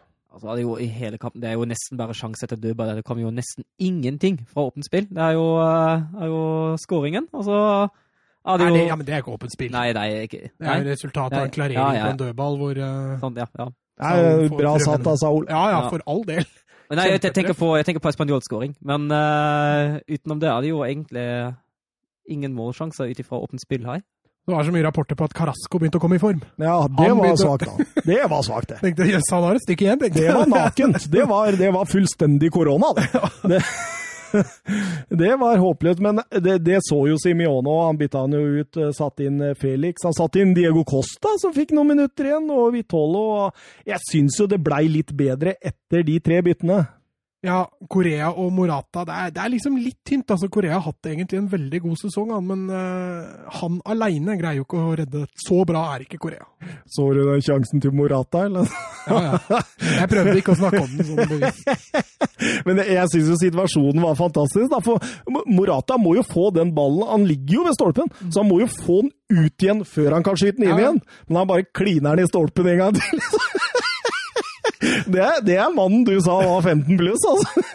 Han var sju, da. Slapp av. Ja, men fortsatt. han har vel hatt sju uh, siden oktober, har han ikke det? Jo, jo, vi er inne i en dårlig periode. Det, ah, det der er her. Eh, Morata, det er spilleren som kun får det til som reserve. ah. Nei, men det blei jo 1-1, og ja, var jo helt greit det. Nå skal vi over på hovedkampen. Real Madrid mot eh, Barcelona El Clásico, og um, Hørte du Sol uh, eh, Hørte, du- hørte du Torstvedt før, uh, før sending, eller? Nei. Ah, han siterte Sergio Ramos, og det må jeg også gjøre, for den var så nydelig. Etter City-tapet så sier Sergio Ramos etter en tøff kveld har jeg to mul- muligheter. Enten kan jeg tenke på gårsdagens tap, eller så jobber jeg mot morgendagens seier. Mitt hjerte og mitt hode er nå i El Clásico. Nydelig. Ja. Nydelig. Eh, jeg så litt på tallet her, Mats. Eh, I La Liga så har klubbene spilt eh, 179 kamper mot hverandre. De har endt med 72 Real Madrid-seiere. 72. 72 Barcelona-seiere. 35 uavgjort. Og målforskjellen 286 mot 288. Det går ikke an å bli mer jevn. Og så, og så tenkte jeg ok, men da må vi se utenfor eh, La Liga òg. Eh, litt morsomt å se. Og da hadde de spilt 442 kamper. Eh, Totalt? Totalt, ja. Og da er det 95 Real Madrid-seiere. 95 Barcelona-seiere og 52 uavgjort. Og målforskjellen 402 396. Dette er så jevnt! Det er litt sånn som det hatoppgjøret i Qatar eller noe sånt. Som alltid ender 1-1. Hver gang blir det 1-1. Jeg jeg vet ikke om du husker Sitter noen sjeiker der og bare! Jeg husker Bård Tufte Johansen dro dit med det der fotballprogrammet sitt. Og det ble alltid 1-1. Ja, den, den var fin, den der. Jeg husker han ble robba på tribunen. og Ja, sånn. ja, ja. Han sto der bare likbleik, turte ikke å gjøre noen ting. Den må du få med deg, Søren. Ja, det må var det jeg den åpenbart? Fotballkrigen? Fotballkrigen, tror jeg han heter. Ja. Bård Tufte drar rundt på forskjellige sånne storoppgjør i hele verden. Ja, han dro Eh, på det Boca for- Juniors mot River Plate. Ja, ja, Og så dro han på Rangers mot Celtic. Ja, ja, og så var det noe ned i Sør-Amerika Orlando. Pirates Ja, ja, stemmer det. mot Det var Sør-Afrika. Afrika, hva- det var det jeg sa. Var det Keiser Chiefs? Ja, Kaiser Chiefs, ja. Og så var han der i var, det var der han ble robba, var det ikke det? Jo, jo, det var i. Afrika. da. Og han karen som robba han, vet du, han sto jo bak en hele Han visste han hadde robba han, men han turte jo ikke å si det til ham. Han var svær som et hus, ikke sant? Så han bare sto og filma. Han, han har telefonen min og Se, se han gliser. Ja, det var en jævla fin serie, faktisk. anbefales, den. Ja, sånn. se den. Um, Real Madrid, ja. Det var der vi var, Mats. Nei, jeg tror vi var ferdig med den kampen. Vi var videre nå på Barcelona vant eh, tilsvarende oppgjør 0-1 sist sesong. Husker du hvem som skårte? eh, Og to sekunder. Jeg har det på tunga. Nei Det ble ikke noe poeng til deg nå. ja, Vent eh, Kroatia. Ja, det var, det var Rakitic. Real Madrid ute i en slags Altså, jeg blei ikke klok på den formasjonen, men det, det, det har vi snakka litt om før. Han kjører en slags Er det en skeiv 4-4-1-1 i denne kampen, Ja, vanligvis er det jo Valverde vi har stussa litt på. Ja. Men nå, i tillegg til Valverde, så var det Isco vi ikke helt greide å finne ut av. Ja, for han hadde nærmest en fri rolle. han var en Messi i Real Madrid. Ja. Han fikk lov å gjøre litt som han ville. Mens Venitius, han trakk helt ut på krittet. Han var kant. Ja, han var skikkelig kant. Og, og Valverde var jo en slags indreløper i en treer, hvis du, altså den, den gamle treeren. Ja, men du så når Isco trakk inn, så var plutselig Valverde mye mer bredt. Ja. Så han hadde en Men så skulle Carvahall rundt. Det var, ja, det var, men det var, var tanken. sånn planen var. Ja. Men han skulle spille med breddeholdere Venitius og Carvahall. Ja. Eh, Barcelona, mm, formasjon der, 4-4-2, eller var han langt ute og sykler da? Nei, eh, ja, altså Vidal også var litt vanskelig å definere egentlig den matchen der. Han har en slags høyre kantrolle. Ja, han har det. Så du, du mener det er nærmere 4-3-3, eller? Nei, jeg mener det er nærmere 4-4-2 Ja, defensivt, så er det ingen tvil om at det var 4-4-2. Så det, det du sier nå, er at uh, Kikiset igjen dro en eh, Diego Simione med å kjøre fire midtbanespillere, alle sentrale. Ja. Litt mer offensivt uh, kaliber på i hvert fall noen av dem. Ja, lite grann. Lite grann. Eh, så starter jo matchen opp, da, og man har, sitter jo der med store forventninger. Tross alt noen kjedelige El Clásico i de siste åra. Ja, det mangla litt trøkk. Ja, det mangla litt, eh, hva skal jeg si, litt, eh, litt hat. Ja, det mangler litt PP. Mang ja. Det mangler en Mourinho Guardiola på sidelinja der til å fyre opp dette her. Det var jo dommeren som fyrte opp litt med Cavajal og Alba. Ja, Ja, Ja, de- den der, der, ja. Men, men Det er Alba som begynner. ja, ja, ja Det for all er nødvendig å begynne sånn. Men eh, altså, det var, jo, det var jo egentlig ingenting der. Det var jo, ja. Nei, kunne bare latt det passere uten Ja.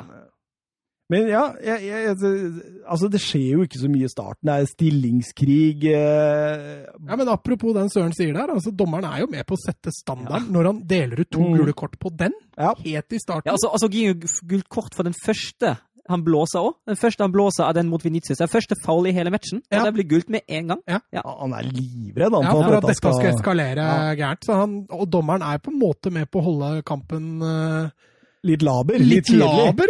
Ja. Tillater ingenting. Eh, jeg har ikke notert en målsjanse før eh, Grismann sin i 20-20 minutter. Jeg. Altså, Jeg har sagt det før, Venitius mangler sluttprodukt, og det ser vi også mye i første omgang. Det er mye som skjer rundt Venitius. Altså, han drar av en spiller, han spiller en fin pasning, han kan skyte, men det, det blir ikke noe sluttprodukt. Nei, nei. Og det er det mye av første 20 minutta med Venitius. Altså. Mm. Ja, for han blir jo spilt rett rettvendt mange ganger. Ja, får utfordra. Semedo, eh, han er jo som regel eh, langt unna. Mm. Eh, men eh, men eh, Grismann-sjansen etter 20 minutter, Mats, eh, den kommer jo rett etter en realovergang der, eh, som ble stansa av Piquet. Og Barcelona og Grismann får en, en, en ja, det, Jeg vil kalle det kampens første sjanse. Hvor Messi legger ut i Alba der, som legger inn igjen langs bakken. Og der kommer Grismann og skyter han skyhøyt over fra 11 meter, totalt upressa. Eh, ja, det, men, men det, er, det er nesten det du finner òg de første halvtimene. Altså. Altså, dette er, det er første gang vi ser et Barcelona-lag som er litt gjennombruddshissig. Ja. For det første halvtime med Barcelona er altså så fryktelig flatt offensivt. Det er så lite gjennombruddshissig.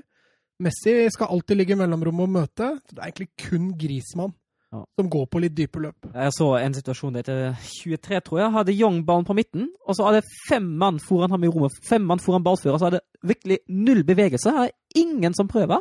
Ingen Nei. som prøver å skape litt rom i bevegelse. Det er niks. Han ender jo opp med å bare trille inn til, til nærmeste medspill og bare vente på at det skjer noe.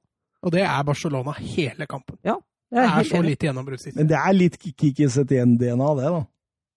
Jo, det kan for så vidt være riktig, det, men du er nødt til å ha litt gjennombruddshissighet. Ja. Altså, kontringsfotballen til Barcelona når de hadde Neymar, Suárez og Messi, var jo fantastisk å se på. Mm. Og det var en del av planen til Henriques. Det er klart, uh, Kikkiset igjen er litt annen, men du møter et Real Madrid-lag, og du er ikke interessert i å straffe dem engang når de er i undertall. Nei. Da tenker jeg at eh, Real Madrid kommer jo til et par halvsjanser etter hvert der. Benzema og Kroos. Eh, Benzema kom vel ikke inn på et Valverde-legg, og Cross han uh, har en skuddmulighet som ikke er all verden å snakke om. Men så etter 33 minutter så er det jo Barcelona som er på fare igjen, da, da Arthur kommer alene mot uh, Courtois. Ja, og det er et dypt løp som sjelden kom eh, i første omgang. Eh, Real Madrid er i ubalanse, og så er det én mann som går, altså. Men han kriger seg gjennom målet. Det er dårlig forsvarsspill. altså At ett løp gjør at han kommer aleine mot Ja, men du ser den linja Real Madrid har der. altså Alle fire forsvarsspillere er jo nesten ute av posisjon. Og Grismann han står jo egentlig Før han slår uh, Arthur der, Så står jo han og lurer på hva skal jeg gjøre, midt på banen, sånn litt ut venstre. Eh, finner ikke helt, og så bare Der går et løp, da slår jeg der. Og så er det ja, Hvem er det som følger han så vidt Kroos. der, da? Kroos. Ja, ikke sant. Det er det òg, ikke sant. Han er jo fart som en gyngehest, så Ja, men det har Arthur òg. Ja, ja. Så det blei det Det ble ble det ble to gyngehester som løp der. To gyngehester på vei, og Courtois vinner den duellen. Ja, altså Arthur vinner jo først mot Kroos. Han er jo fysisk tydeligvis litt sterkere enn Kroos der, for han får den ut av Det er overraskende, eller? Jeg også var litt overraska når han fikk til det. Eh, Så prøver han en slags chip-avslutning der, men Courtois har ikke noe problem med å ta den.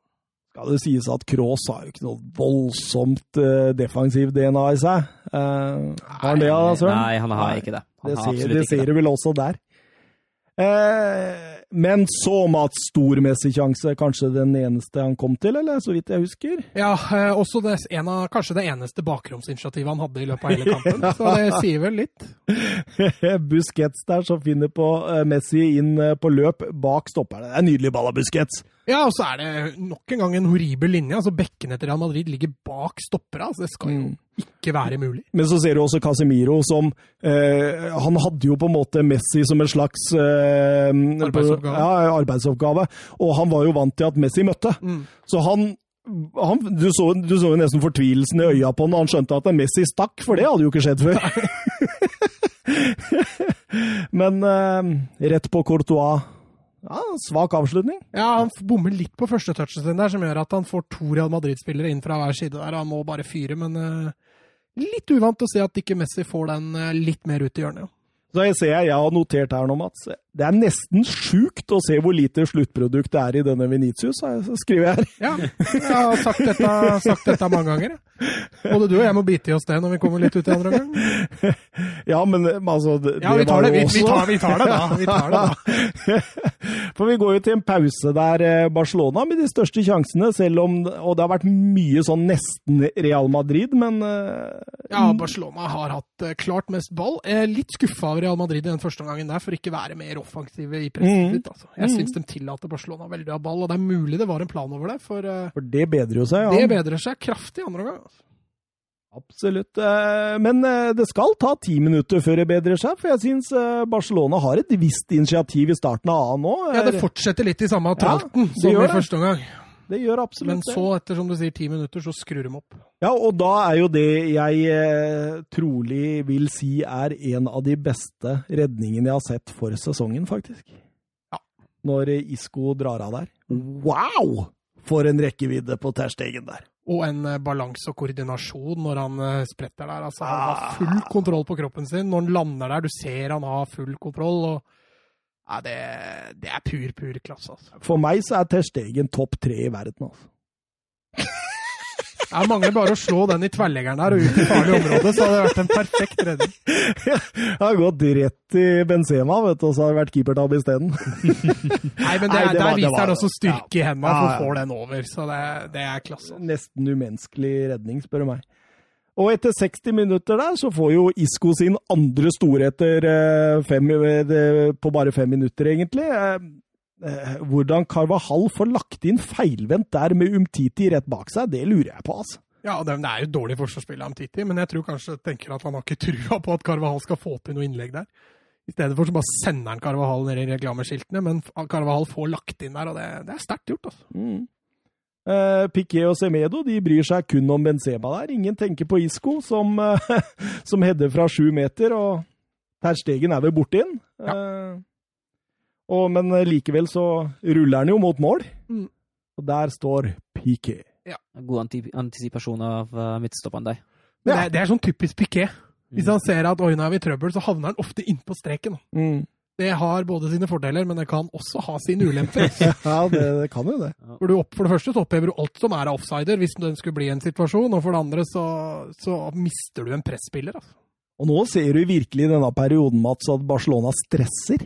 De Ja. stresser i mottak, i pasning, i bevegelse, de stresser i oppspillsfasen. Ja, men jeg syns også at altså Real jeg synes allerede i første omgang de er gode til å, til å stenge, og jeg syns egentlig de blir enda bedre. fordi de, altså, Det var en situasjon etter tolv minutter allerede, da det står uh, Testegen har ballen ved 16, og så står det sju Barcelona-spillere i egen halvdel, og så kan egentlig ingen spilles til fordi Real har stengt av absolutt alt. Uh, og det syns de, de gjennomfører det enda, mer konsekvent i, uh, i omgang to. Mm. Ja, jeg er, jeg er helt enig, og dette er litt av utfordringen som jeg også har vært innom før med, med Kikiset igjen. At kommer til å gå på en del smeller fordi Barcelona er såpass mye dårligere i frispillinga si eh, enn hva de har vært tidligere eh, når de har spilt Tiki Taka. Eh, de har ikke bra nok spillere. Du ser Vidal, du ser Omtiti, du ser Semedo. Dette er spillere som ikke kan dette systemet i forhold til detaljer. Altså, De slår på feil bein, det er for dårlig eh, tyngde på pasningene. Eh, og det gjør at eh, når Real Madrid er såpass gode i det høye presset, ja, da sliter de. da. De klarer jo ikke å spille ut. Og høyt press var eh, grunnen til at Benzema får sin største sjanse i kampen etter 62 minutter, da Ter Stegen noe nonsjalant i oppspillfasen, og Carvahal han tenker høy, den er min! Setter full fart på. En nydelig ball over til Benzema, som uh, skyter han skyhøyt over. Ja, Benzema har fortsatt ikke funnet formen. i hvert fall. Nei, han har ikke det. Han, han, han, han er brukbar i liksom oppspillsfasen og alt det der, der men jeg syns ikke han I forhold til eh, tidligere i sesongen, så finner han ikke de romma inne i boks som han gjorde før. Syns han eh, sliter litt i det der. Eh, kan godt hende har noe også med formasjonsbyttet til Zidane. Jo, men han Benzema spiller jo på samme plass, tenker jeg da. Ja, men han har ikke de samme bevegelsene rundt seg nå som han hadde i den der typiske 4-3-3 med Hazard og Bale og Jo, og så ser du også at det er ikke like mye fokus på innlegg. Nei, det er jo ikke det. I hvert fall ikke den kampen. Og der er jo Benzema god. Mm. Eh, ja, men eh, hvis vi sa at eh, Real Madrid i bunn og grunn ikke hadde noen store sjanser i første omgang, så har det jo vært tre store nå da på sju minutter, og Barca gjør sitt første bytte. eh, Vidal ut og Breitveit inn, og det, kunne- det kunne gitt umiddelbar lykke, eller? Ja, men det gjør jo det. Eh, ikke lykke, da, men det gir en umiddelbar effekt, i hvert fall. Eh, for Braithwaite kommer inn og skaffer seg først en kjempesjanse. Kriger til seg er, er kanskje litt drøyt å kalle det kjempesjanse, men i hvert fall en veldig god mulighet. Eh, og så rett etterpå så er han jo Helt på Det er jo hans skyld, Ja. det der. Ja, er det det? Ja. Jeg mener det. Jeg mener det. Jeg er helt enig. Fordi, Ja. altså, hvis du ser på situasjonen på 1-0 eh, Du har Kroos som har han ute på kanten, og så har du Semedo som går i ryggen på Benzema, gjør egentlig jobben sin, og så har du Breathwaite som ikke dekker opp ryggen sin i det hele tatt. Og det er, det er hans motspiller som ender opp i scoring. Men dette er en, dette er en midtspiss som Ja, blir satt til å spille høyre midtbane. Men, men, men, men er Benzema farlig Altså, nå sikter jeg til uh, Semedo uh, i forhold til Er Benzema farlig med ryggen mot målet der? Burde ikke heller Altså, for det, dette, dette måten å angripe på som Real skaffa den sjansen på, det har de jo gjort mange ganger før. Med å spille opp til eh, eventuelt Benzema, altså inn bak på en hurtig kant. Eh, jeg syns Semedo lar seg lure, da. Av, Jo, men- men hvis av du- en, en Benzema som står med ryggen mot mål. Og er ganske ufarlig. Om han får ballen i beina, så er jo han ganske ufarlig. Det er jo ikke så mange Jo, men Hvis. Semedo går ut og tar Venicius der, så blir jo Benzema Nei, men om, om han kan holde igjen litt før han tar det fordi, altså, det, er, det er noe med timinga til Semedo her jeg reagerer på. Fordi han bør ikke så tidlig opp i Benzema. Han kan vente av den og se han litt, og da har han faktisk nok eh, dybde til å kunne skjære av. Men isteden så overlærte han all ansvaret til Braithwaite, og da skjer jo som det skjer. At eh, Venitius kommer helt fri, spiller inn. Eh, Mangel på sluttprodukt, som vi var inne på, så hjelper jo Piquet han. Ja, men det, det jeg tenker på med Braithwaite der, er jo det at han, han Hvis han bare har litt kontroll på hvor han har Venitius, så greier mm. jo han fint på å skjære av den pasningen sjøl. Ja. Det er jo som du sier, at det kunne sikkert vært avverga på en enklere måte også. Men det er veldig lett å peke på Braithwaite da. Det er den mest Ja, åpenbare. jo, jo, det er jo det, men, men, men for min del altså, tenker, det handler litt om risikovurdering for en høyreback. Mm. Altså, hva skal du støte på, hva skal du Og, og, og den sjansen der, da. Jeg, altså, jeg, altså jeg, jeg ser hva dere mener med Braithwaite, jeg gjør det. Men jeg tenkte Semedo. Mm. Fordi jeg syns at denne risikovurderinga han gjør, er så veldig svak. For han skal rett opp i ryggen. Han skal, han skal ikke på en måte ta Han tar ikke noe risiko for at eh, den blir spilt inn bak. Nei, Og det, det, og det, ikke, det må du gjøre som høyrebekk, altså. det er sikkert helt riktig, det. Jeg, jeg har aldri vært så spesielt glad i Semedo defensivt, selv om jeg var litt fornøyd da han spilte den kampen her pga. farta til Venitius. Men, eh, men akkurat der så sliter han også.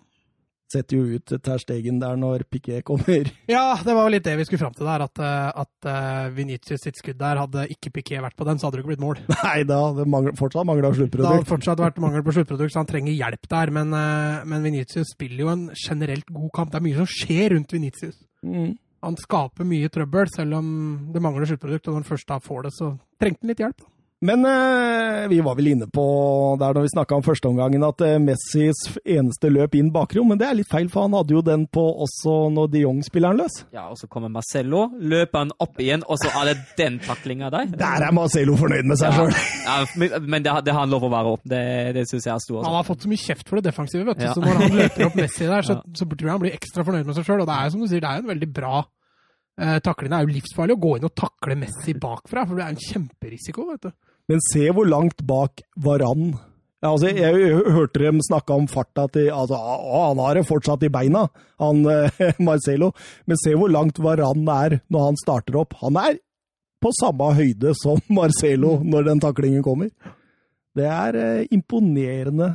Eh, Nei, Jeg tror Messi hadde fått trøbbel med å score på den uansett. Ja. Eh, Da måtte han stoppa opp, fordi gutta som kom bak ham, var mye kjappere. Men nå, nå, nå er det jo gøy, fordi jeg syns det er kult av Real Madrid. Litt sånn uvanlig det jeg har sett siden de siste månedene, men nå går de jo for 2-0 òg. Mm.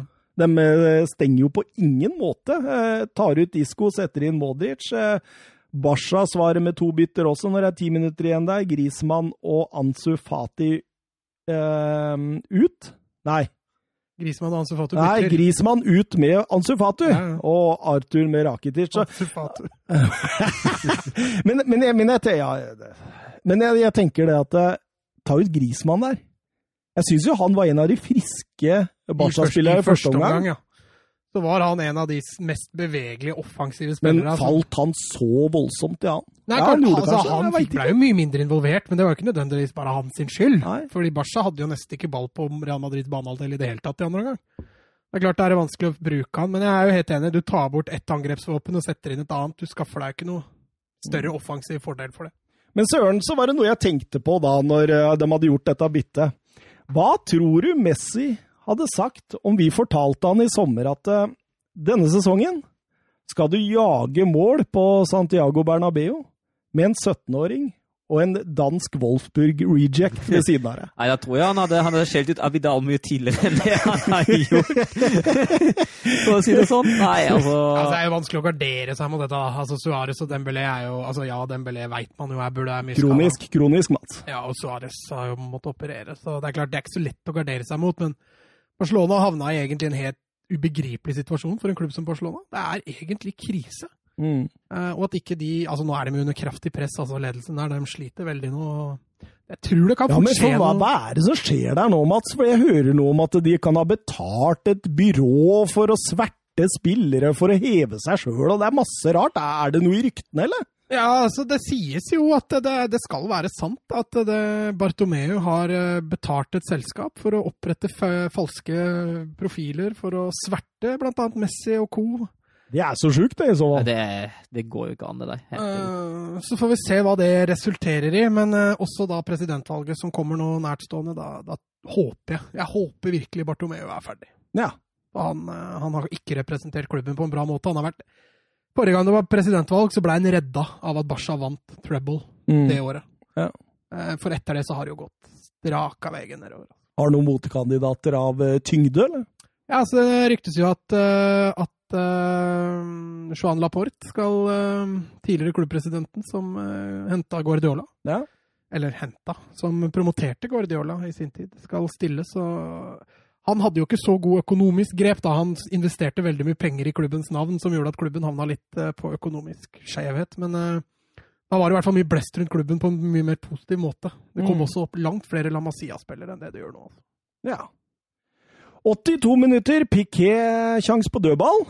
Ja, Messi korridor i frispark der. Ja, svakt av Piquet, faktisk. Ja, det er det. lov for, lov for å hete bedre der. Ja, han treffer den så reint. Altså, Han, han, tre- han må liksom Ja. flikke den litt mer. Han, eh, han er foran mål, rett og slett, Mm. så han header den jo rett fram. Ja, absolutt. En minutt etterpå er det Venitius som har en sjanse igjen, men eh, mangel på sluttprodukt gjør at uh, det ikke skjer. Jeg syns Titi er ekstremt passiv der. Uh, Ja, men tar stegen i beina på Venitius og redder. Mm.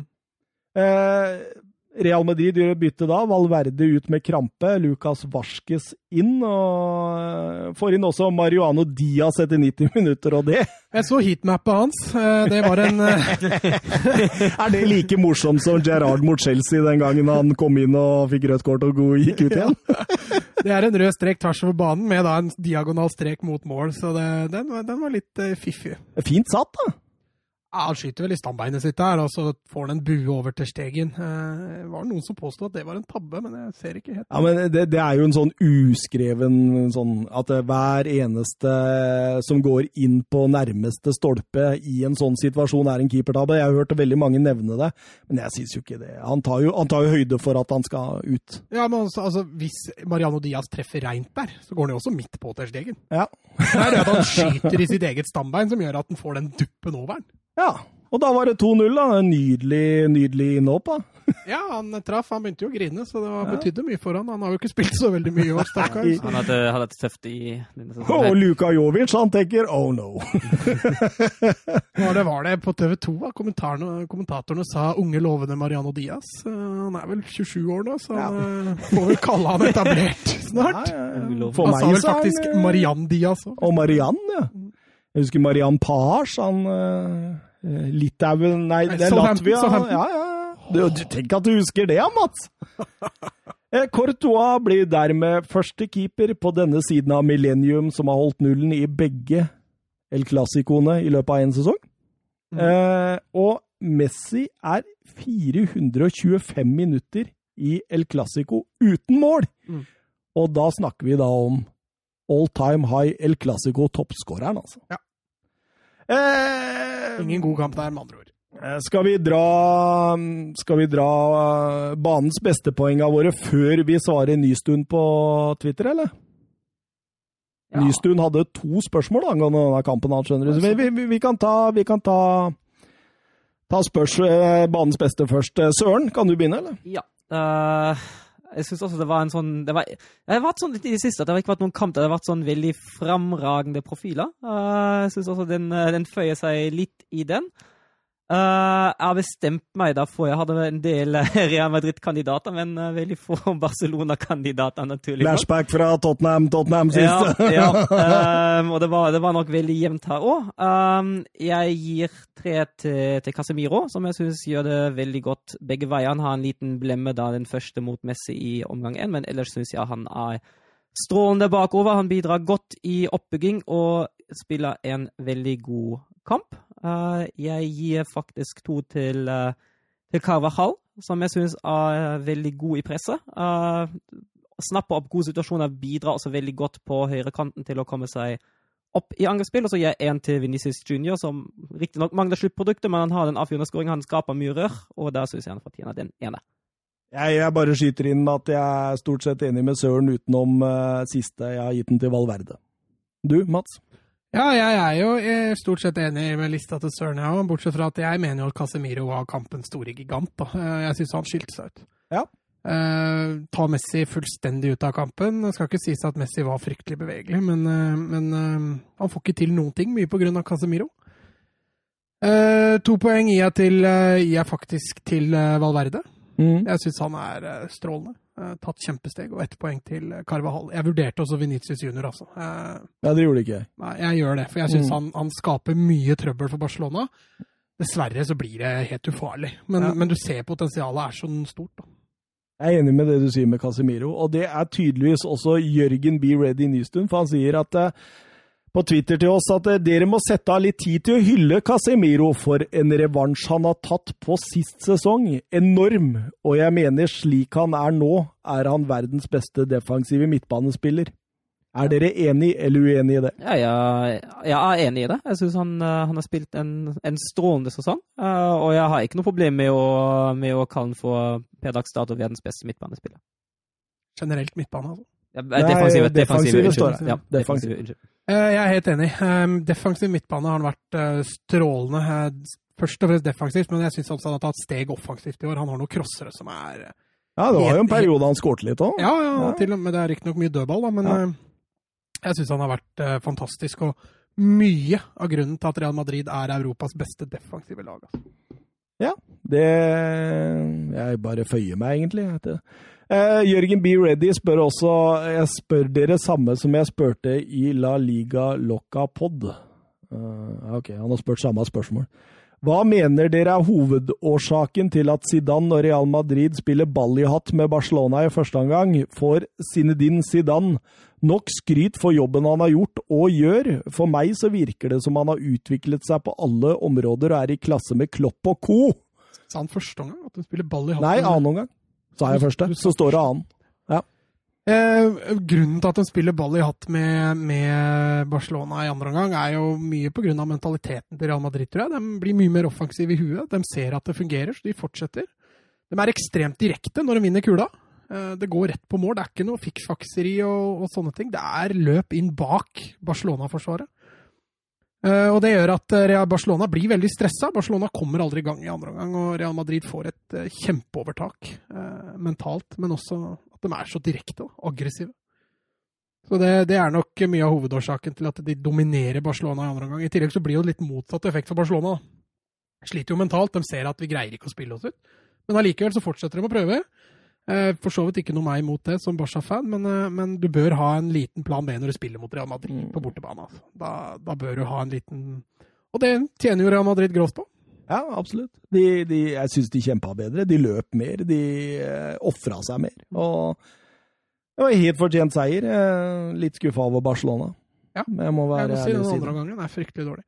Når det gjelder hvorfor, om Zidane nå er i kategori med Klopp og Guardiola ah, åh, ah, den, Altså, vi snakker om er det tre ganger Champions League-vinner og diverse, da? Jo, men altså, jeg syns taktisk av både Klopp og Guardiola foran Zidane, altså. Men, men, men, han har utvikla seg? Ja, det er jeg enig i. Klopp også? Ja. ja. Taktisk? Er ikke han strålende taktisk, da? Eller har han ett gir? Jeg, jeg, mener jo det at Klopp Du altså, mener han har ett gir, du? Ja, men altså, Klopp har én måte å spille på. Han kan justere lite grann. Men du så Champions League men, men, I finalen, ja. Det var ja, det jeg skulle fram til. Ja, men jeg syns ikke Liverpool gjør en fantastisk Champions League-finale. Nei, men eh, det hindrer jo Tottenham omtrent i å ha en eneste målsjanse før det går siste ti minutta der, da. Eh, han stenger den jo av. Jo, jo, for så vidt. Men eh, nei, jeg ville fortsatt ikke putte Zidane i Klopp og Guardiola. Men, men, jeg syns han har utvikla seg. Jeg syns ja. det har blitt mye bedre. Men det har vi vært inne på før òg. Ja. Kanskje vi kan dytte den i klassen rett under. Ja. Mm. Augsburg mot uh, Nå vipper bordet her igjen. Borussia München-Gladbach. Uh, Benzebaini Ja, han er, han er, på igjen, han. han men jeg så den expected goals i første omgang i denne kampen. Det var Ca. 0-0? ja, det, det, var Augsburg hadde 0,01, og eh, Borussia München-Glabach hadde 0,60. Så det var ikke mye å snakke om. Ikke mye, ikke mye, i det hele tatt. Den kampen her tok seg voldsomt opp i andre omgang og var egentlig fryktelig kjedelig i, i første. Men Glattbart begynte å våkne litt etter sånn 35. Da prøver de litt via Traoré på venstrekant å komme til noen situasjoner. Um, så må jo Traoré ut til pausen. Um, ut, med, ut med skade, halta ganske kraftig, så går trolig glipp av toppkamp mot Dortmund nå til helga. Oh. Så kommer player inn, og så er det en uh, liten omrokering da. Han spiller 3-4-2-1, og det gjør seg umiddelbart betalt, egentlig. Men, men han Benzebaini, han, han, han, har hatt en opp-og-ned-sesong, eller?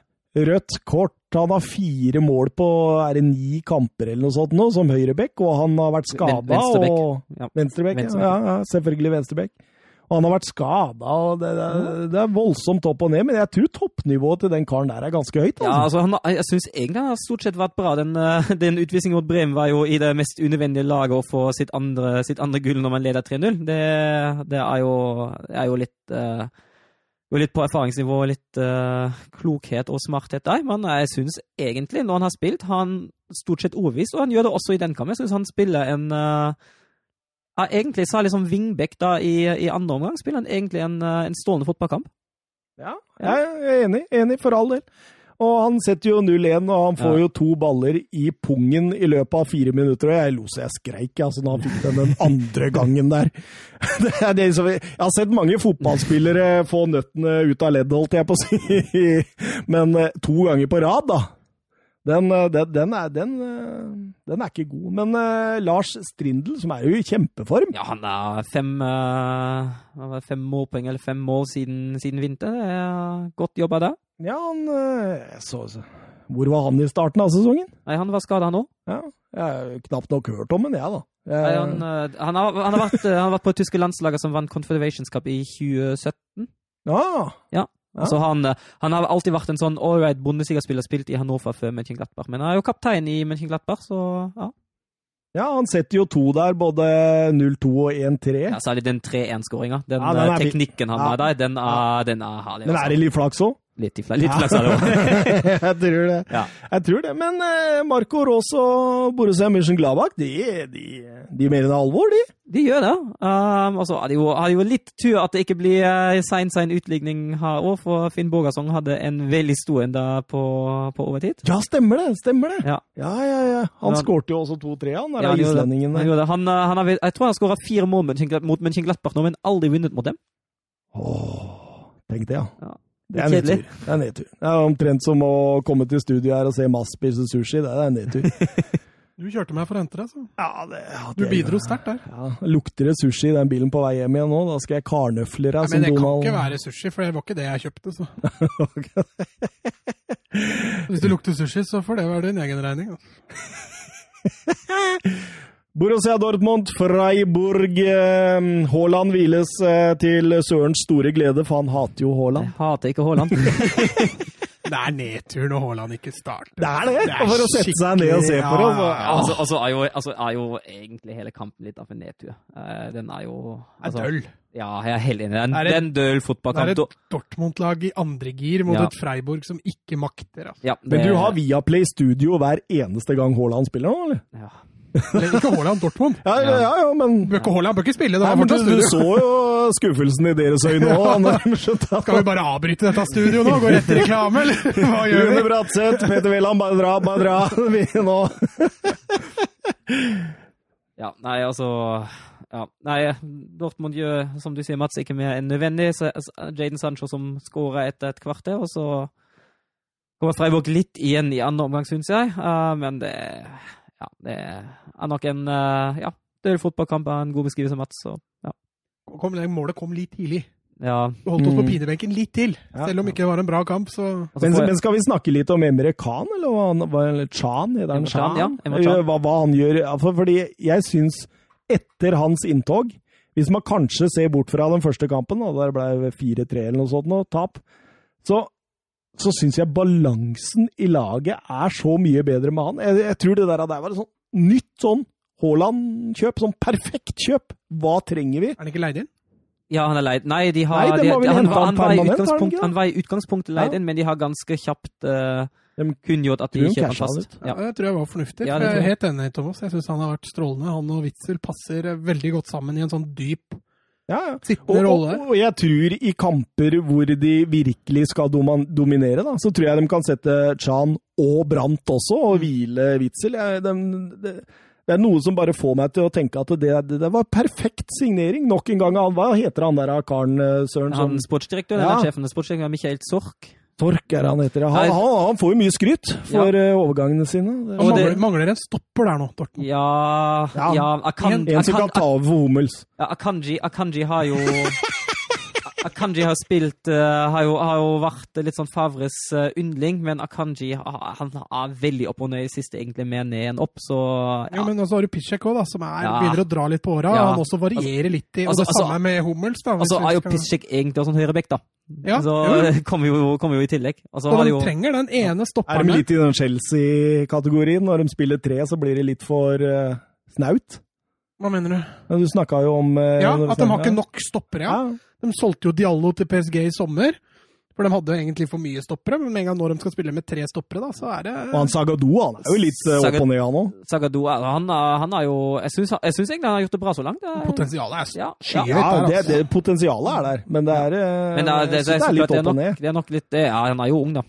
Se hva han gjorde mot Mbappé i Champions League der, for Ja. eksempel. Uff, Han selger jo seg fullstendig. Eh, men Han tryner jo. Men altså, sam, sammenligna sammenligna med Jeg gjør Akanji ikke saken bedre, Mats. Sammenligna med Akanji har han vært stabiliteten sjøl. Ja, jeg er helt enig, for han Akanji han har ikke vært mye å samle på.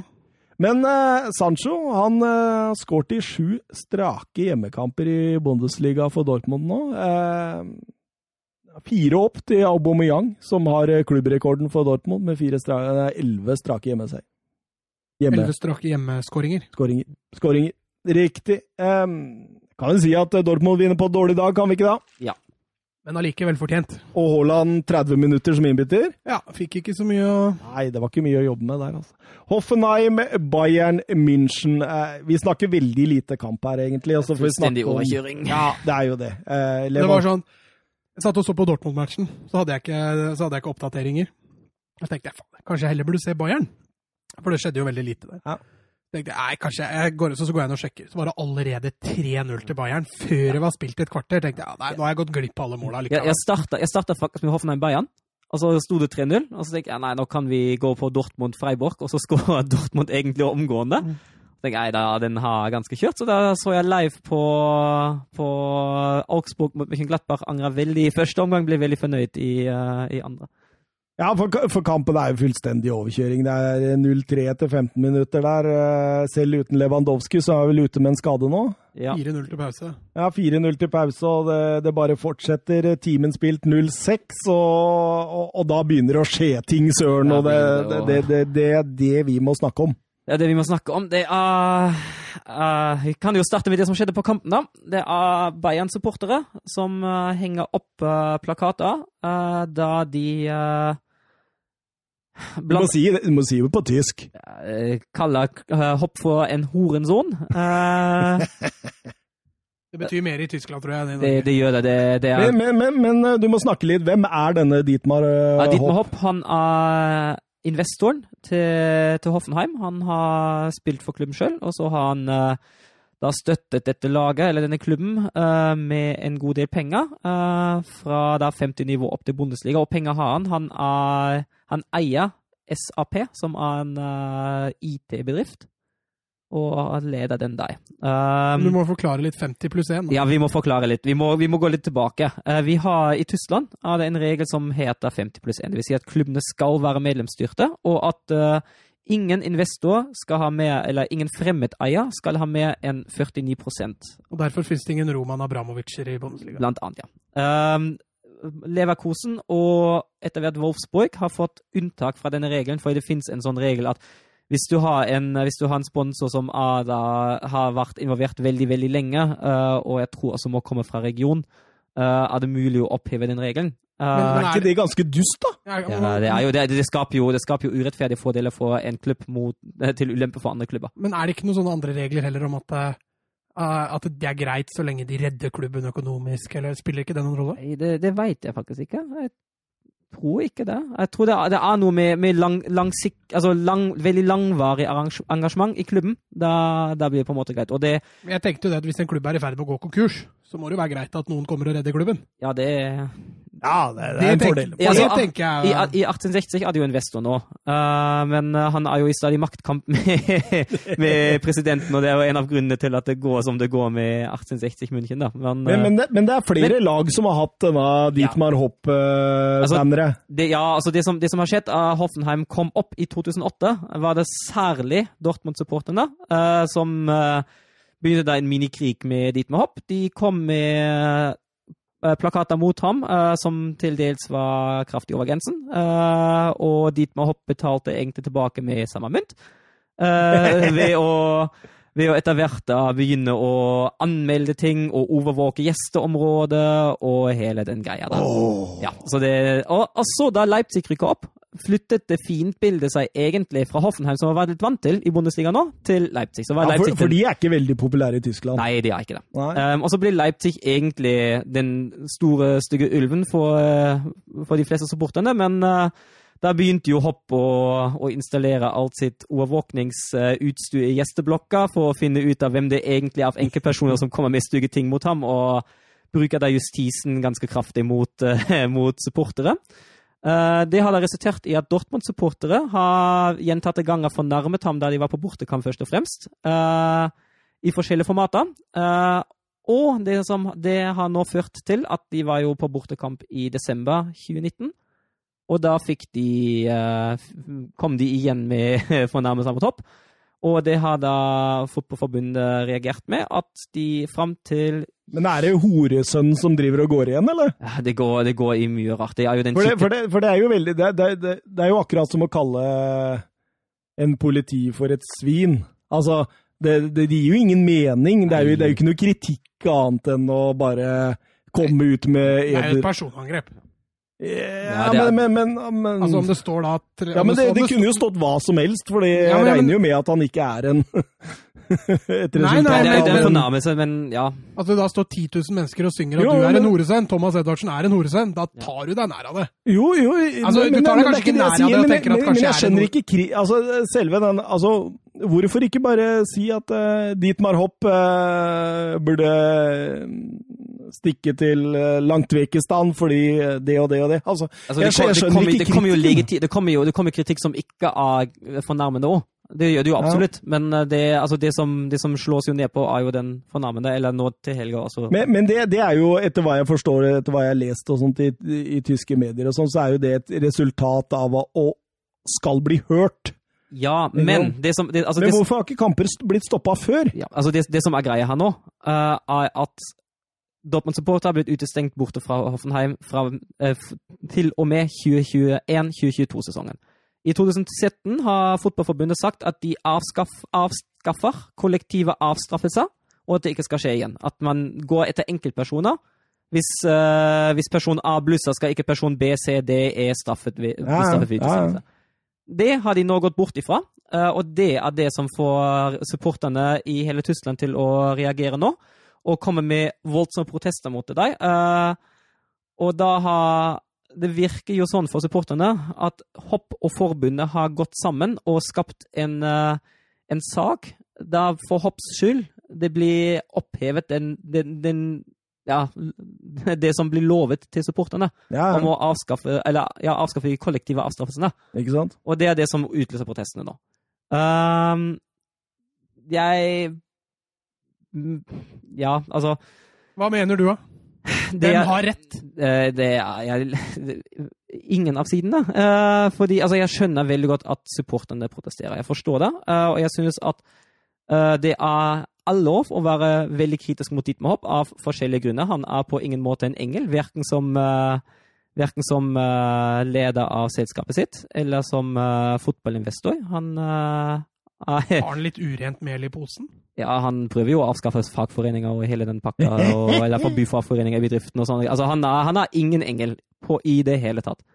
Um, jeg syns måten han står på, på tribunen der òg Altså, en normal person ville kanskje bare stikke inn, men han står liksom og bivåner det hele og står og klapper og, og peker og diskuterer og ikke sant.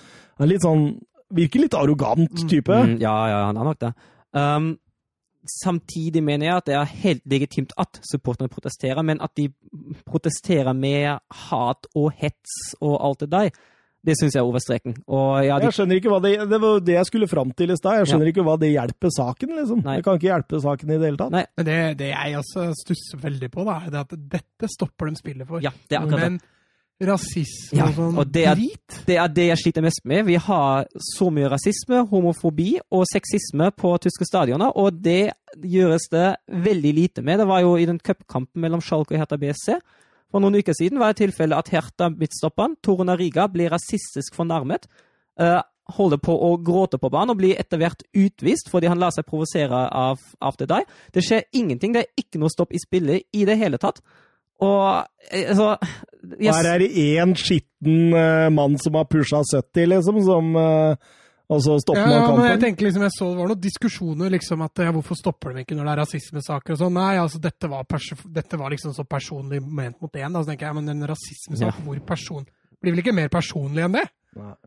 Akkurat, jeg, jeg, jeg sliter litt med å se Ja. hvor den setter grensa, altså. Ja, jeg er helt enig. Og altså Jeg vil ikke si at det i og for seg er feil å, å stoppe spillet nå, men sammenlignet med det som, har, som det ikke har blitt stoppa før, uh, da Ja, da må man uh, Stoppe spillet, og så kommer spillet i gang igjen, og så stopper man spillet igjen fordi da banneret kommer opp igjen, og så durer hele Bayern München uh, med inkludert Khan og Flick og Romenig og alt. Og Romenig han er ganske brutal mot egne fans, Ja, altså. han er det. Han er det. Altså, han eh, Altså, det er jo, det er jo mange Det er mye av uh, medienes og ja, offisiell Altså ansvar, ansvarlig, sportslig ansvarlig i klubber som, som da sikter på at som, som egentlig bare fordømmer det uansett, uten, altså, uten, å forstå, uten å forstå, prøve å forstå bakgrunnen på hvorfor supporterne reagerer. Mm. Jeg syns han, eh, han Union-presidenten han hadde, han hadde, um, han hadde en, fin, eh, en fin greie, fordi han sa at måten det skjer på, er feil, for det, det oppnår man ingenting, selv om det man ønsker å oppnå, kanskje er legitimt. Ja. Og da, han, han ser Det det er det du sier, da. ja. Ja, eh, og jeg, jeg er 100% enig eh, at jeg syns det er helt feil å vise mennesker i kikketsikte og komme med Ja, store stemmer det det, det, Ja, er ja. ikke, det er ikke innafor. Komme med store plakater og betegne folk for horesønn og hente det, det syns jeg blir helt feil. Men at man må få lov til å protestere, det mener jeg absolutt. Og hvis man f.eks. ser på Union Berlin-kamp mot Wolfsburg, det første banneret som det blir reagert på der, det er helt feil at dommeren da begynner på step 1 på den eh, tre, trestegsplanen som eh, forbundet har lagt. Altså. Mm. Og det var Mm. bare et kritisk banner mot forbundet som etter min mening må være helt lov. Som skjer i Norge i hver eneste seriekamp. Ja. Vi hadde jo litt sånn bannerproblematikk med han Sarr og, og denne Ja, Mind the gap. mm. Så vi har jo hatt litt bannerproblematikk der òg. Ja. Så ja, nei, men uh, supporterne må få ytre seg. De er en viktig del av fotballen, men jeg tenker det at uh, gjør det på en ordentlig måte, så gagner jo også saken, tenker jeg da. Det blei jo en stopp i Dortmund-matchen òg. Ja, det blir det. Ja, og for så vidt kampen din òg. Men over til fotballen. altså er Bayern München nå det første laget i historien som skårer minimum tre mål i fem strake borteseiere. Det sier litt. Eh, nok Dietmar Hopp, eh, nok eh, Bayern München, eh, litt eh, Wolfsburg, Søren. Vi må, vi må kjappe oss. Tida begynner å renne her. Yes. Uh, egentlig en litt døll kamp der òg, Union mot Wolfsburg. Wolfsburg egentlig best på banen, og så er det en uh, helt mot slutten av uh, første omgang en eh, meget sjelden keepertabbe av Kohn Castell, som feilberegna et frispark fullstendig. Uh, gir Sebastian Andersson muligheten til å heade inn, og så er det ti minutter inn i andre omgang at Manuel Friedrich skårer sitt første mål i Bundesliga. Og da var. Søren langt ned. Ja, da trodde, altså, trodde jeg at det var kjørt. Da tenkte jeg ok, det er en sånn typisk dag der man eh, kontrollerer spillet, skaper lite, og så må jeg få- få lov å si at det som Wolfsburg gjør bra, er å skape overlapp, særlig på høyresiden. Babo kommer seg jo fri gang etter gang etter gang. Men Kevin Babos innleggsfot, det er ikke store saker, altså. Det er, altså jeg tror ikke han har et eneste innlegg som treffer en medspiller i, i han boksen. hater Mbabo. en Babo. Nei, jeg, jeg, jeg syns han, han er en så begrenset fotballspiller at det ikke er ikke måte på. Altså. Er- Men du, Jannik Gerhardt, da. ja, han er i form, altså! Ja, Skåra, mot Mainz. Han han lyste opp med en gang. Ja, men du, Vi snakka jo om at han skårte sitt første mål på akkurat nøyaktig et år Ja.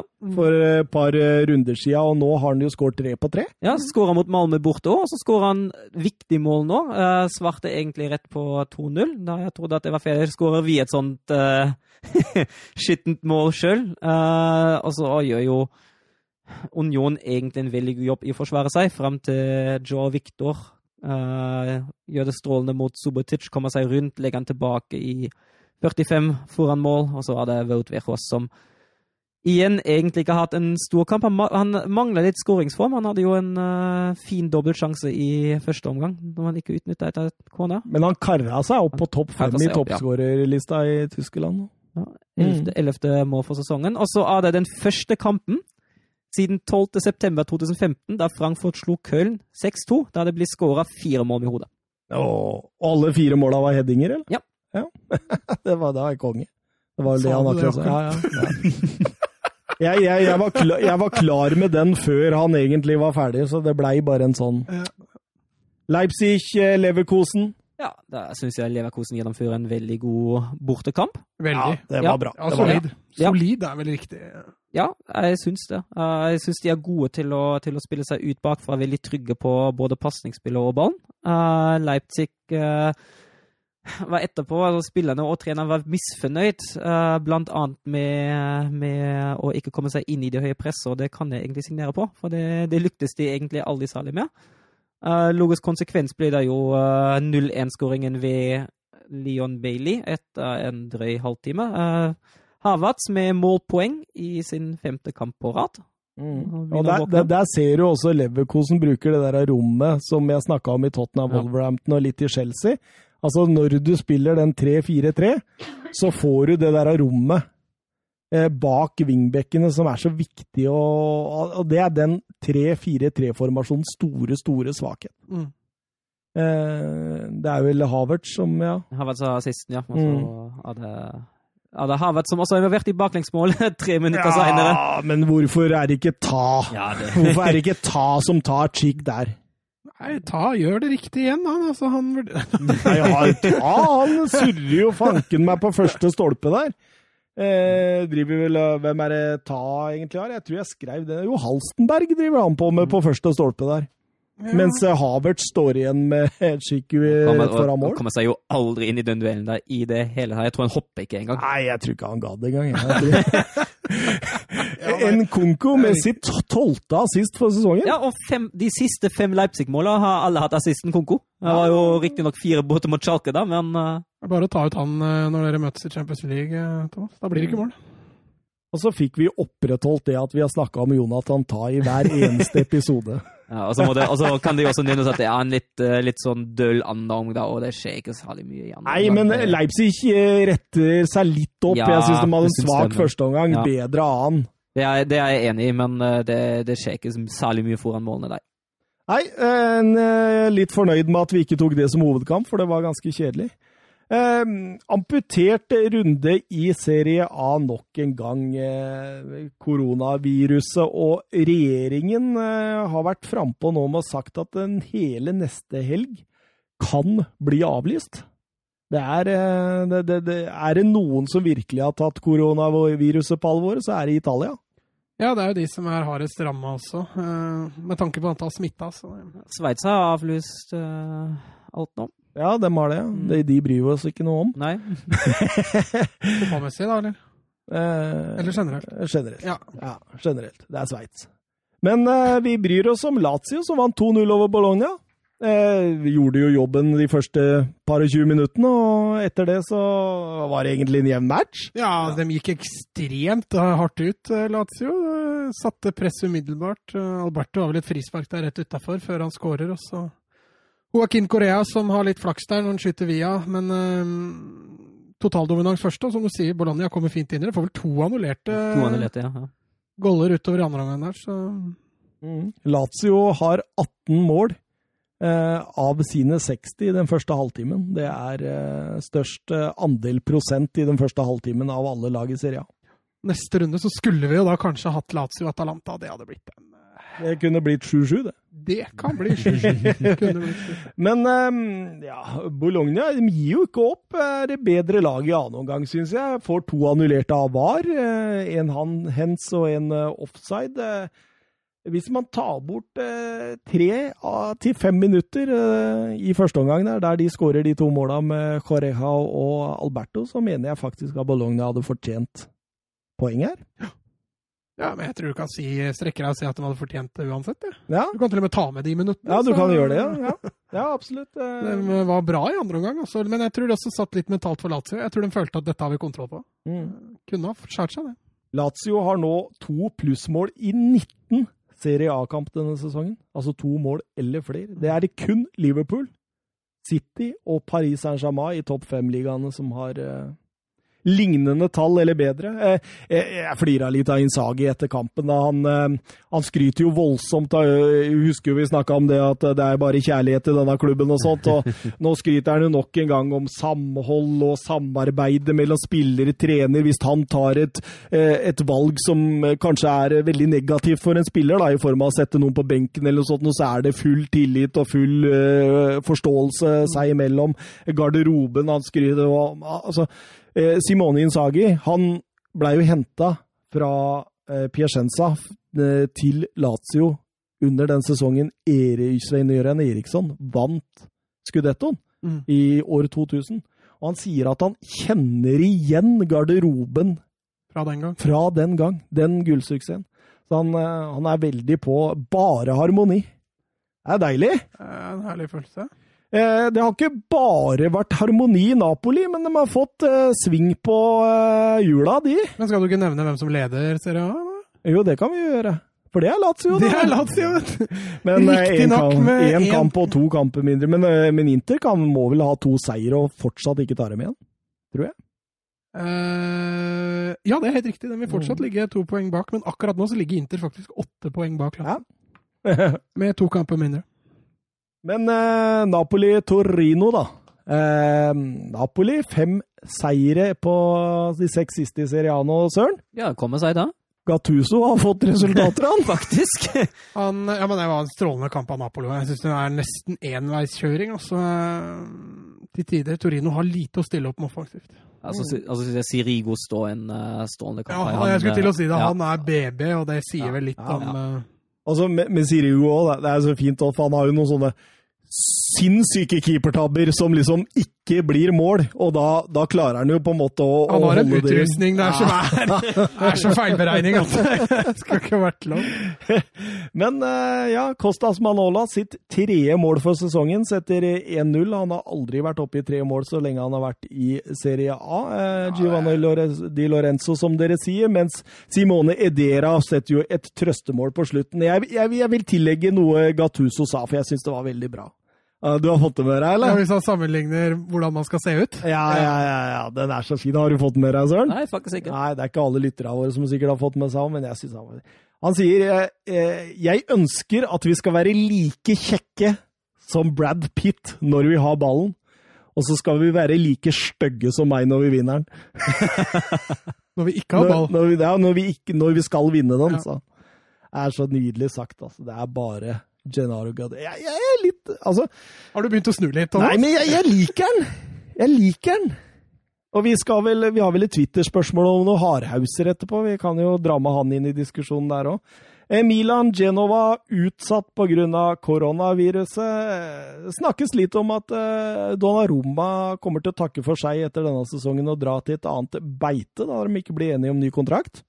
Akkurat det samme var de innom sist. Da kasta jo Milan-fansen pengesedler inn på banen. eh. Da blei de enige til slutt, så vi får se om de kommer noe vei.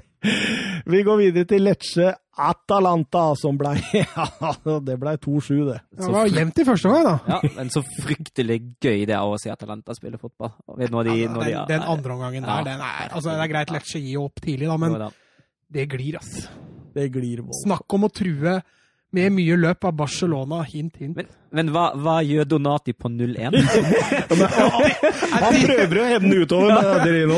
Så du ser hodene hans header den veien, men allikevel så går ballen Det er så rart ut.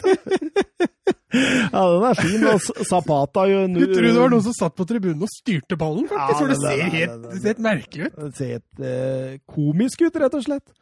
Zapata 0-2 før eh, Lecce svarer med to mål. Donati faktisk som Ja, skårer to mål. det var jo hyggelig, det, da. Og i annen omgang, som vi er inne på, så takker jo Atalanta Takk for følget! Vi ses igjen. Fem mål eh, der. Det var jo eh, Før det var gått kvarter i annen omgang, så var det jo 5-2. Eh, Ilicic, eh, Zapata og gjengen fyrte jo på alle plugger. Eh, Søren, dette er den femte kampen eh, for sesongen med pluss fem mål Ja. for Atalanta. Det er, Det eh, er tredje gangen med sju mål. ja tredje, ja, tredje de det, det, det er ganske ville tall, altså. Altså, altså, er det bare altså, første gang det skjer i Serie A siden Milan i 58-59-sesongen. Det er drøyt. Det er helt er drøyt. helt sykt. Det er 70 mål, altså! På 25 kamper. Det er Ja, det er helt vilt. Og det, det er tre spillere med ti mål eller flere. Mm. Ilicic, Zapata og Muriel. Det er kun City og Paris Saint-Germain kanskje skimter med det samme. Det, er imponerende. det, det er så morsomt og imponerende, og vi får bare krysse fingra egentlig for at det blir Lazio og Atalanta i neste runde. Ja, altså Det går jo noen potensielle hovedkamper neste runde. Du har jo en i England òg, som uh... Åh, ja. Manchester Derby. Det, det er gøy, det òg. Det pleier å være gøy. Det er gøy, det. Eh, Cagliari-Roma, det er vel det siste vi har, fordi Rundens mål, ass. Hvis vi ser bort fra Donati sin, så er det Pedro, ja. Ja, fy fader. Altså, I fart å ta den på låret, og så en chip over keeper. Ja. Altså, det er oversikt, det er ferdigheter, det er balanse, det er eh, Men, Og det fotball, er- fotballgodteri. men Guri malla så ufortjente vei. Ja, det var jo det. Det var jo det. Men jeg, jeg tenker jo Åpenbart da, så hadde jo Fonseca funnet ut at nå skal vi hvile litt spillere. Det var noen spillere som var slitne etter, eh, etter Gent i Europa League, Zeko Og da dukka det opp en eh, Atletico Madrid-spiss isteden, Mats, som skårer mål. Niko Kalinic har fått lite tillit i, i Atletico når han var der i fjor. Har ikke fått så mye tillit i Roma i år heller, mye pga. Teco, selvfølgelig. Men første goalen spretter jo ballen hans vei. Det var jo en håpløs klarering av Luca Pellegrini der, som skyter ballen i huet på Kalinic. Men han snur jo, snur jo het rett før pause og setter også 2-1 der, så, en, Så, så han er sisten før tre nå. Det er Ja. han som header den på Kløvert. Han eh, gir kanskje Fonseca et lite luksusproblem eh, før neste match, når du først får tillit, og så leverer du to skåringer og nazist. Det- Det er eh, nydelig. Han skrøt voldsomt av han etter kampen også. Ehm, ja, nei eh, Det blei jo til slutt en eh, 3-4-seier til Roma. Eh, I dag kom beskjeden om at Cagliari sparka treneren sin. Eh, ja, det Ja. stemmer. Rolando Maran må gi seg, og det snakkes om Walter Senga. Gamle eh, Watford. Altså ja, de er jo inne i en forferdelig periode nå, men eh, det er ikke lenge siden de kjempa om Champions League-plass. Altså. Nei, det er jo ikke det, men vi, vi snakka jo om at eh, å, Cagliari imponerer. Og så var vi Nå normaliserer det seg snart Mm. også. Normaliserte det seg, og så har det gått elleve kamper nå uten seier, som gjorde at Maran måtte, måtte trekke inn Men eh, hva, hva var målsettinga til Cagliari før sesongen? da? Nå ligger de vel på 10.-11.-plass eller noe sånt? Det kan da ikke være så mye høyere enn det? Nei, men den, den har vel sett den negative trenden. Som Lillestrøm aldri så. det er jo kanskje Fugla hadde jo spilt i Eliteserien, hadde de gjort det, så det eh, Trist at Juventus Inter måtte Ja, veldig. Den hadde vi vel alle tre sett frem til. Men allikevel, altså, det er nesten litt artigere da å se den matchen med full tribune, altså. Jeg må innrømme det. Ja, og så skjønner jeg jo klubbens uh, at Juventus sier at de, bør, de regner med å tjene fem millioner euro på den kampen og tape, det, tape de inntektene. Det, det skjønner jeg. Jeg forstår, jeg forstår klubbens perspektiv her. Ja, ja, absolutt. Ah, vi fikk et spørsmål på Twitter, gutta, eh, som jeg har jobba litt med. Vi måtte jo det.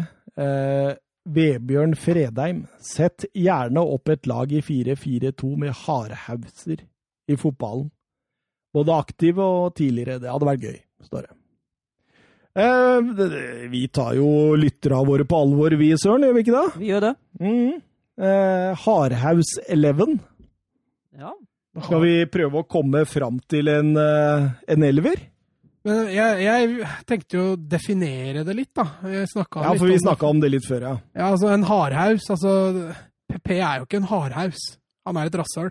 ja men hardhauser og rasshøl er eleven, da. Ja, så det er begge deler. Ja.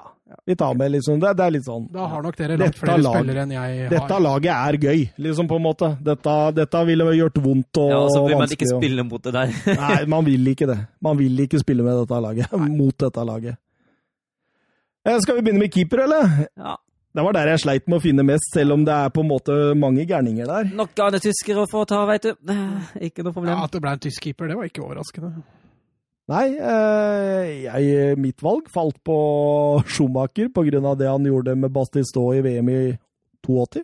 Ja, Jeg hadde, jeg hadde Oliver Kahn, jeg òg. Du hadde det? Jeg har, jeg enda på Schumacher med Kahn som en solid nummer to der. Da tar vi Schumacher. Det er helt greit. Men Khan han er relativt gæren. Han. Eh, I forsvar så er det så mye å ta av. Det er ikke så mange bekker. Nei, men, vi, men skal vi holde oss til at høyrebekk er en høyrebekk og sånt, eller så si rett og slett eh, Salgado? Ja, vi kan jo det. Men der, der er du mer på en gærning igjen, for han var ikke en sånn hardhaus. Nei, men han var gærning. Han var klin gæren. Han var klin gæren. McManaman har vel sagt at det var en psykopat både på trening og i kamp. Ja. Så vi kan jo gi Salgado den høyre bekken, da. Ja, Skal vi finne venstrebekk, da?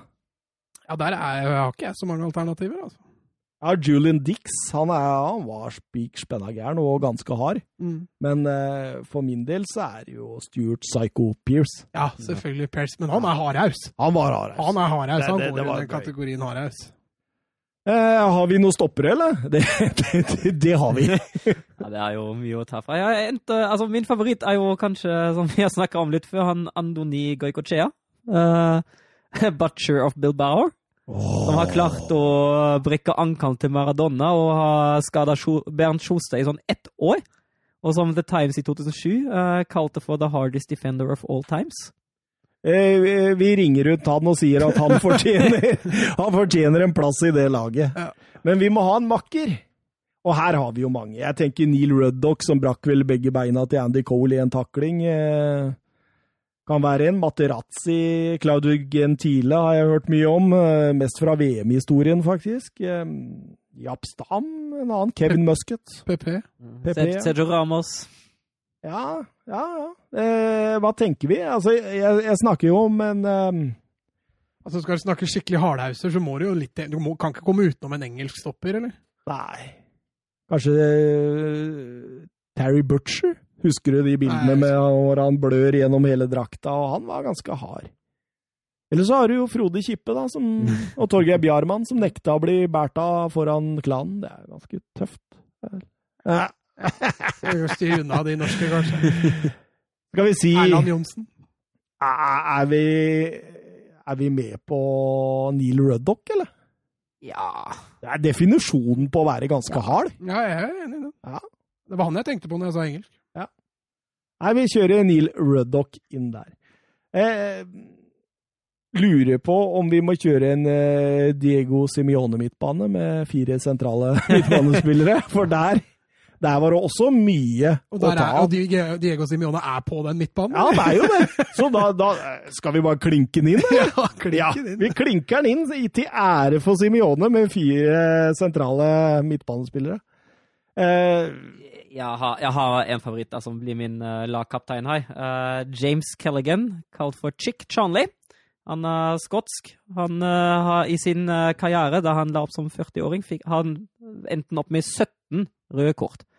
Han har klart å banke opp to av sine managere. Uh, har brukket, brukket kjeven på én medspiller, men uh, den, den beste historien om ham, uh, det var da han var i Patrick Thistle. Da dukket det opp to tenåringsgutter på trening med kampbikkje og, og sverd. Og skulle lage litt kvalme. um, og altså, sa da vel til, til ham at han skulle få etter kampen eh, eller etter trening eller noe sånt. Og Charlie han tok jo utfordringa.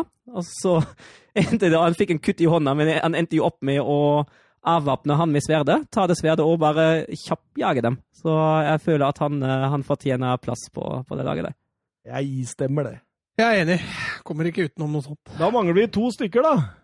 Ja, for Eh, meg så er Vinnie Jones selvskreven. Ja, Ja, det er for meg òg. Både som kultfigur og som hardhaus, liksom. Og Jeg Altså, elsker jeg, altså, Hvis jeg er i dårlig humør, så kan jeg gå inn og søke Winnie Jones Paul Gascoigne, og så bare se det bildet. For det er så hysterisk morsomt når han klyper den i balla der.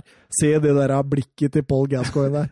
Er Og så drar du til Hollywood, og så spiller du bare badass-filmer. Ja, ja, det er nydelig. Winnie Jones, du fortjener en plass på dette laget. Og da, og da står jo igjen voldsomt mange hardhauser. Da. Vi, vi snakker jo om uh, Billy Bremner, som var jo en Leeds-legende og en kar som var kjent for å, for å knekke en tann eller to. Uh, vi, vi snakker om nyere versjoner, som Genaro Gattuso. Uh, Roy Keane.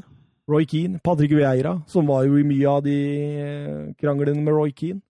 Eh, Nigel de Jong, som stempla vel en spansk spiller i brystkassa, blant annet. Han var ganske drøy, han òg. Ja, Van Bommel var ikke så veldig Kunne fint Nei. ufin, han òg.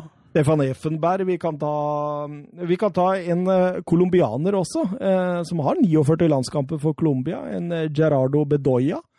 Han har gjennom sin karriere, som har vært i Colombia for det meste da, av tida, fått 46 røde kort i løpet av karrieren sin.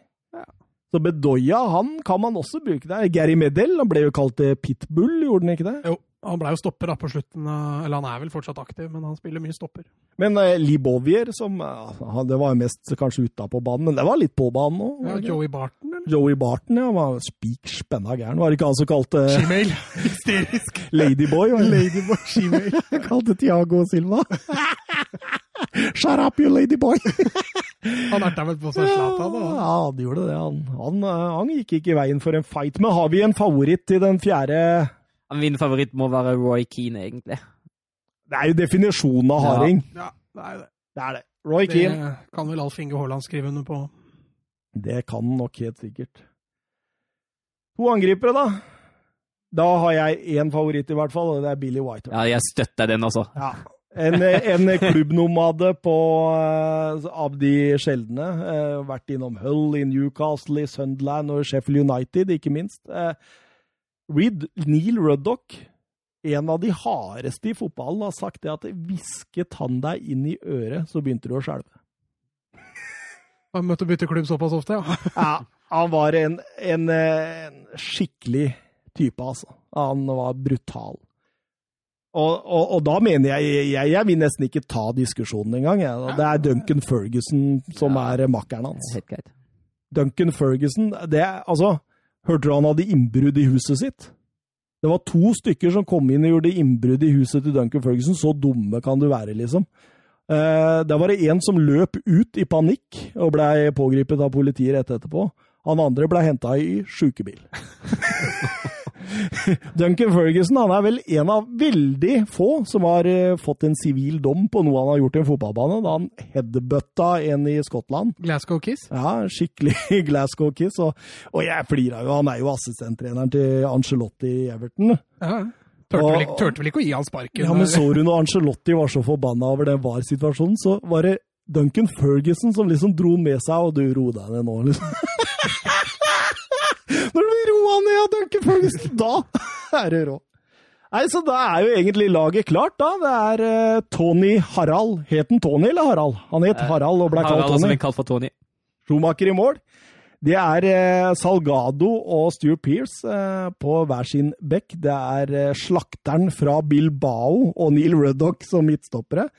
Så har vi en eh, sentrallinje på midtbanen med Diego Simione, i, eh, i rein ære for Diego Simione. Vi har en eh, Roy Keane, James Callahan og Winnie Jones. Åh, det lukter rødt kort, da! og Duncan Ferguson og Billy Whitehurst på topp. Der, der, der blir det mye lange baller og røde kort, altså. det laget der! Jeg lurer på om jeg skal sette det opp jeg, på nettet og legge det ut på Twitteren. Gjør det. Neste runde så tar vi uh, skuespillere på uh, Ja, drama, det- drama, queens. Ja. Vi kan, vi kan kanskje nominere noen og spørre eh, hvilket lag vil du ha. Jeg, jeg, jeg satt også og tenkte på det der med uh, morsomme spillernavn. Det fins det så mange av. Altså Vet du hva Stam blir baklengs? Nei. Mats? Hei, Mats. Han, han er med. Han er med. Han er med. Nei, men jeg tenker jo i disse afrikanske og sånn. Det er nylig Innocent og Friday og Desire og Han er i Rosenborg nå. Hæ? Han er i Rosenborg. Hva? Han heter Daddy's Boy. Ja, det gjør det. Han har selvfølgelig et fornavn og etternavn, men mellomnavnet hans er Daddy's Boy. Ja, det er nydelig, vet du. Og så har du, du har jo eh, Du har jo Sunday, du har Friday, du har uh, Dick over Cookie, du har det. Ja, Steve Cook. i- du, du, har du har så mye å ta av. Du har så mye morsomme navn å ta av. Jeg tror Adrian Mutu blir kalt en eller annen stumme eller noe sånt. Ja, Det, det er navnet hans. I, hans og, og spissmakkeren hans i en eller annen tid. Husker ikke helt åssen ja. Det var den døve. Ja. Stumme og døve. Åssen kombinerer Åssen eh, kommuniserer de? Det er tegnspråk, da. Begge kan jo se. Ja, nydelig, nydelig. Nei, vi bare avslutter med å si jeg har, jeg har en liste. Ja, fanken, det har du jo! Ja. Jeg, jeg så bare det går mot to og en halv time. Ja, så så jeg, skal, jeg skal fatte meg i korthet. Men eh, jeg fikk jo en liten hjemmelekse om uh, morsomme skader på Tyskland-proffer, da. Og da har jeg lagt opp en, en liten liste. Er, ja. På femteplass eh, har jeg Charles Akonoy, som eh, spilte i Wolfsburg. Han eh, klarte å ha en sånn automatisk bilantenne, og den satte den i nesa. Og så blød, altså blødde det noe vold... Ja, ja, jeg er ikke ferdig. Det blødde, det blødde noe voldsomt, og så tok han da sånn blodstillende, som dessverre sto på dopinglista, så han han, eh, måtte han stå over i tre kamper. Men sto den over antenna da, når den skjøt i Ja, sikkert, jeg, jeg veit ikke, men uh, sikkert. Og så, fikk han en karantene på tre kamper Ja. for doping? Ja, fordi han, altså, nei, han, han, måtte, han måtte hviles i tre kamper av at han hadde tatt dop, en middel som sto ja, på dopinglista. han måtte ut av systemet? Ja, det stemmer. Nice! Så det er godt jobba. Og den er femte. Det er femteplass. Det er Nå. Har du litt å Ja, uh, greit. På fjerdeplass har jeg Logan Bailey, som var riktignok keeper i München Glattbar. Uh, han uh, bar på et sånt fint mobilt eh, klimaanlegg rundt omkring i huset, og så var han litt dårlig på handling der, så det sklei ut av hånda og falt på foten, og så brakk han foten. Artig når det er keeper. Ja, det Så er gikk du og bar rundt på et Et sånn mobilt klimaanlegg, sånn stort et. Altså sånn Du går rundt og bærer på det? Ja, han, han gjør det. flytte det? Ja, han, han eh, bar på det. Jeg veit ikke hvorfor. Eh, rundt omkring Han jeg skulle ha klima der Skulle òg. ha- Han skulle, Ja, kjøre han det. skulle fly, sikkert Du er jo flytte det gammel i huset. klimaselger, du, Ja, Mats. ja, ja. Sånne liker jeg. vet du. Ja. Som bærer rundt på klimaanlegget. Han skulle sikkert flytte det i huset, men jeg veit ikke. men... På tredjeplass, Nikolai Müller. Eh, Han ble nysignert av HSV. eh, og I, i første runde i 17-18-sesong skåret han 1-0-målet mot Augsburg. Og Da ble han glad. Han tok en helikopterfeiring, altså landa han feil og røyk korsbåndet. Og, En helikopterfeiring. ja, så han tok en Er sånn det det han der uh, Newcastle-supporteren gjorde? Han, snur, han, snur, altså han, han hoppa og rundt seg sjøl. du så han der Ja, sånn, ja. Han kjørte helikopteren og Maximæ skårte. Nei, han, eh, Var han, det det? Var det det? han, det Vi kaller han for helikopter. Han, eh, han hoppa opp, snudde rundt seg sjøl Brolin. Brolin. Ja. Og så landa han, på, landet han fullstendig feil og røk korsbåndet, og det hele endte jo med eh, en lang pause og at HSV faktisk Det hadde vært mye kulere skade hvis han hadde dratt med et ekte helikopter og landa feil. Og satt den fast i gjerdet med gifteringen på, eller? Eh, På andreplass Adam Nemec, eh, som var aktiv i Kaiserslautern på en tida. Han eh, hadde masse fine trær i hagen sin, blant annet et kirsebærtre. Og så klatra han opp i det kirsebærtreet, det er uvisst hvorfor. Så drev han og falt ned. Og så brakk han diverse bein i overkroppen, det var litt av hvert, og fikk en gjenrystelse og fikk tre måneders pause på grunn av det der. Been there, done that. Ja, du har, du har ja. Alle klatra kirsebærtrær. Ja, ja. Og så har du uh, førsteplassen. Det er meg, Kanker. Det er ikke pga. én skade, men det er litt sånn uh, kombinasjon. Hei. Det tror jeg er min favoritt. Jeg, Eh, altså, han har klart å kjøre på og drepe, som egentlig bare er veldig trist, sin egen hund i sin egen innkjørsel. Han, har, han er allergisk mot gress, og under hver kamp fikk han allergisk reaksjon. Og så klarte han å skli i dusjen i uh, rom, og så fikk han så på foten som måtte sus med fem eller seks sting. Og så ble det en eh, god lang pause der, jo. skikkelig kløne. Følger ikke med, altså. Jeg må si femteplassen var imponerende, faktisk. Den, eh, den eh, toppa ja, egentlig nummer én, altså. Jeg digga helikopterfeiringa, Ja, for jeg bare ser den for meg, liksom.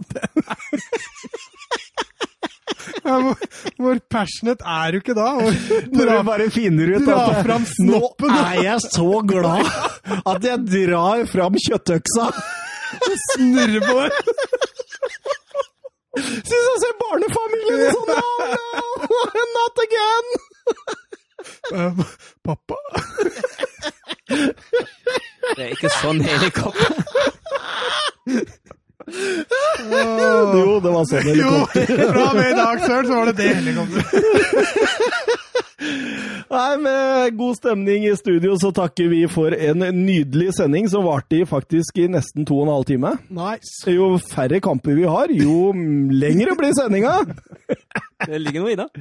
Men folk får høre på det de vil. Ja. yeah. Takk og farvel fram til neste tirsdag, eller? Auf Wiedersehen. Eh, Jubileumssending? 50. ja. Åh, synd vi ikke sitter på Slattum da, for da skulle jeg hatt en pils. Men jeg må jo kjøre. Skal ta pilsen når du kommer.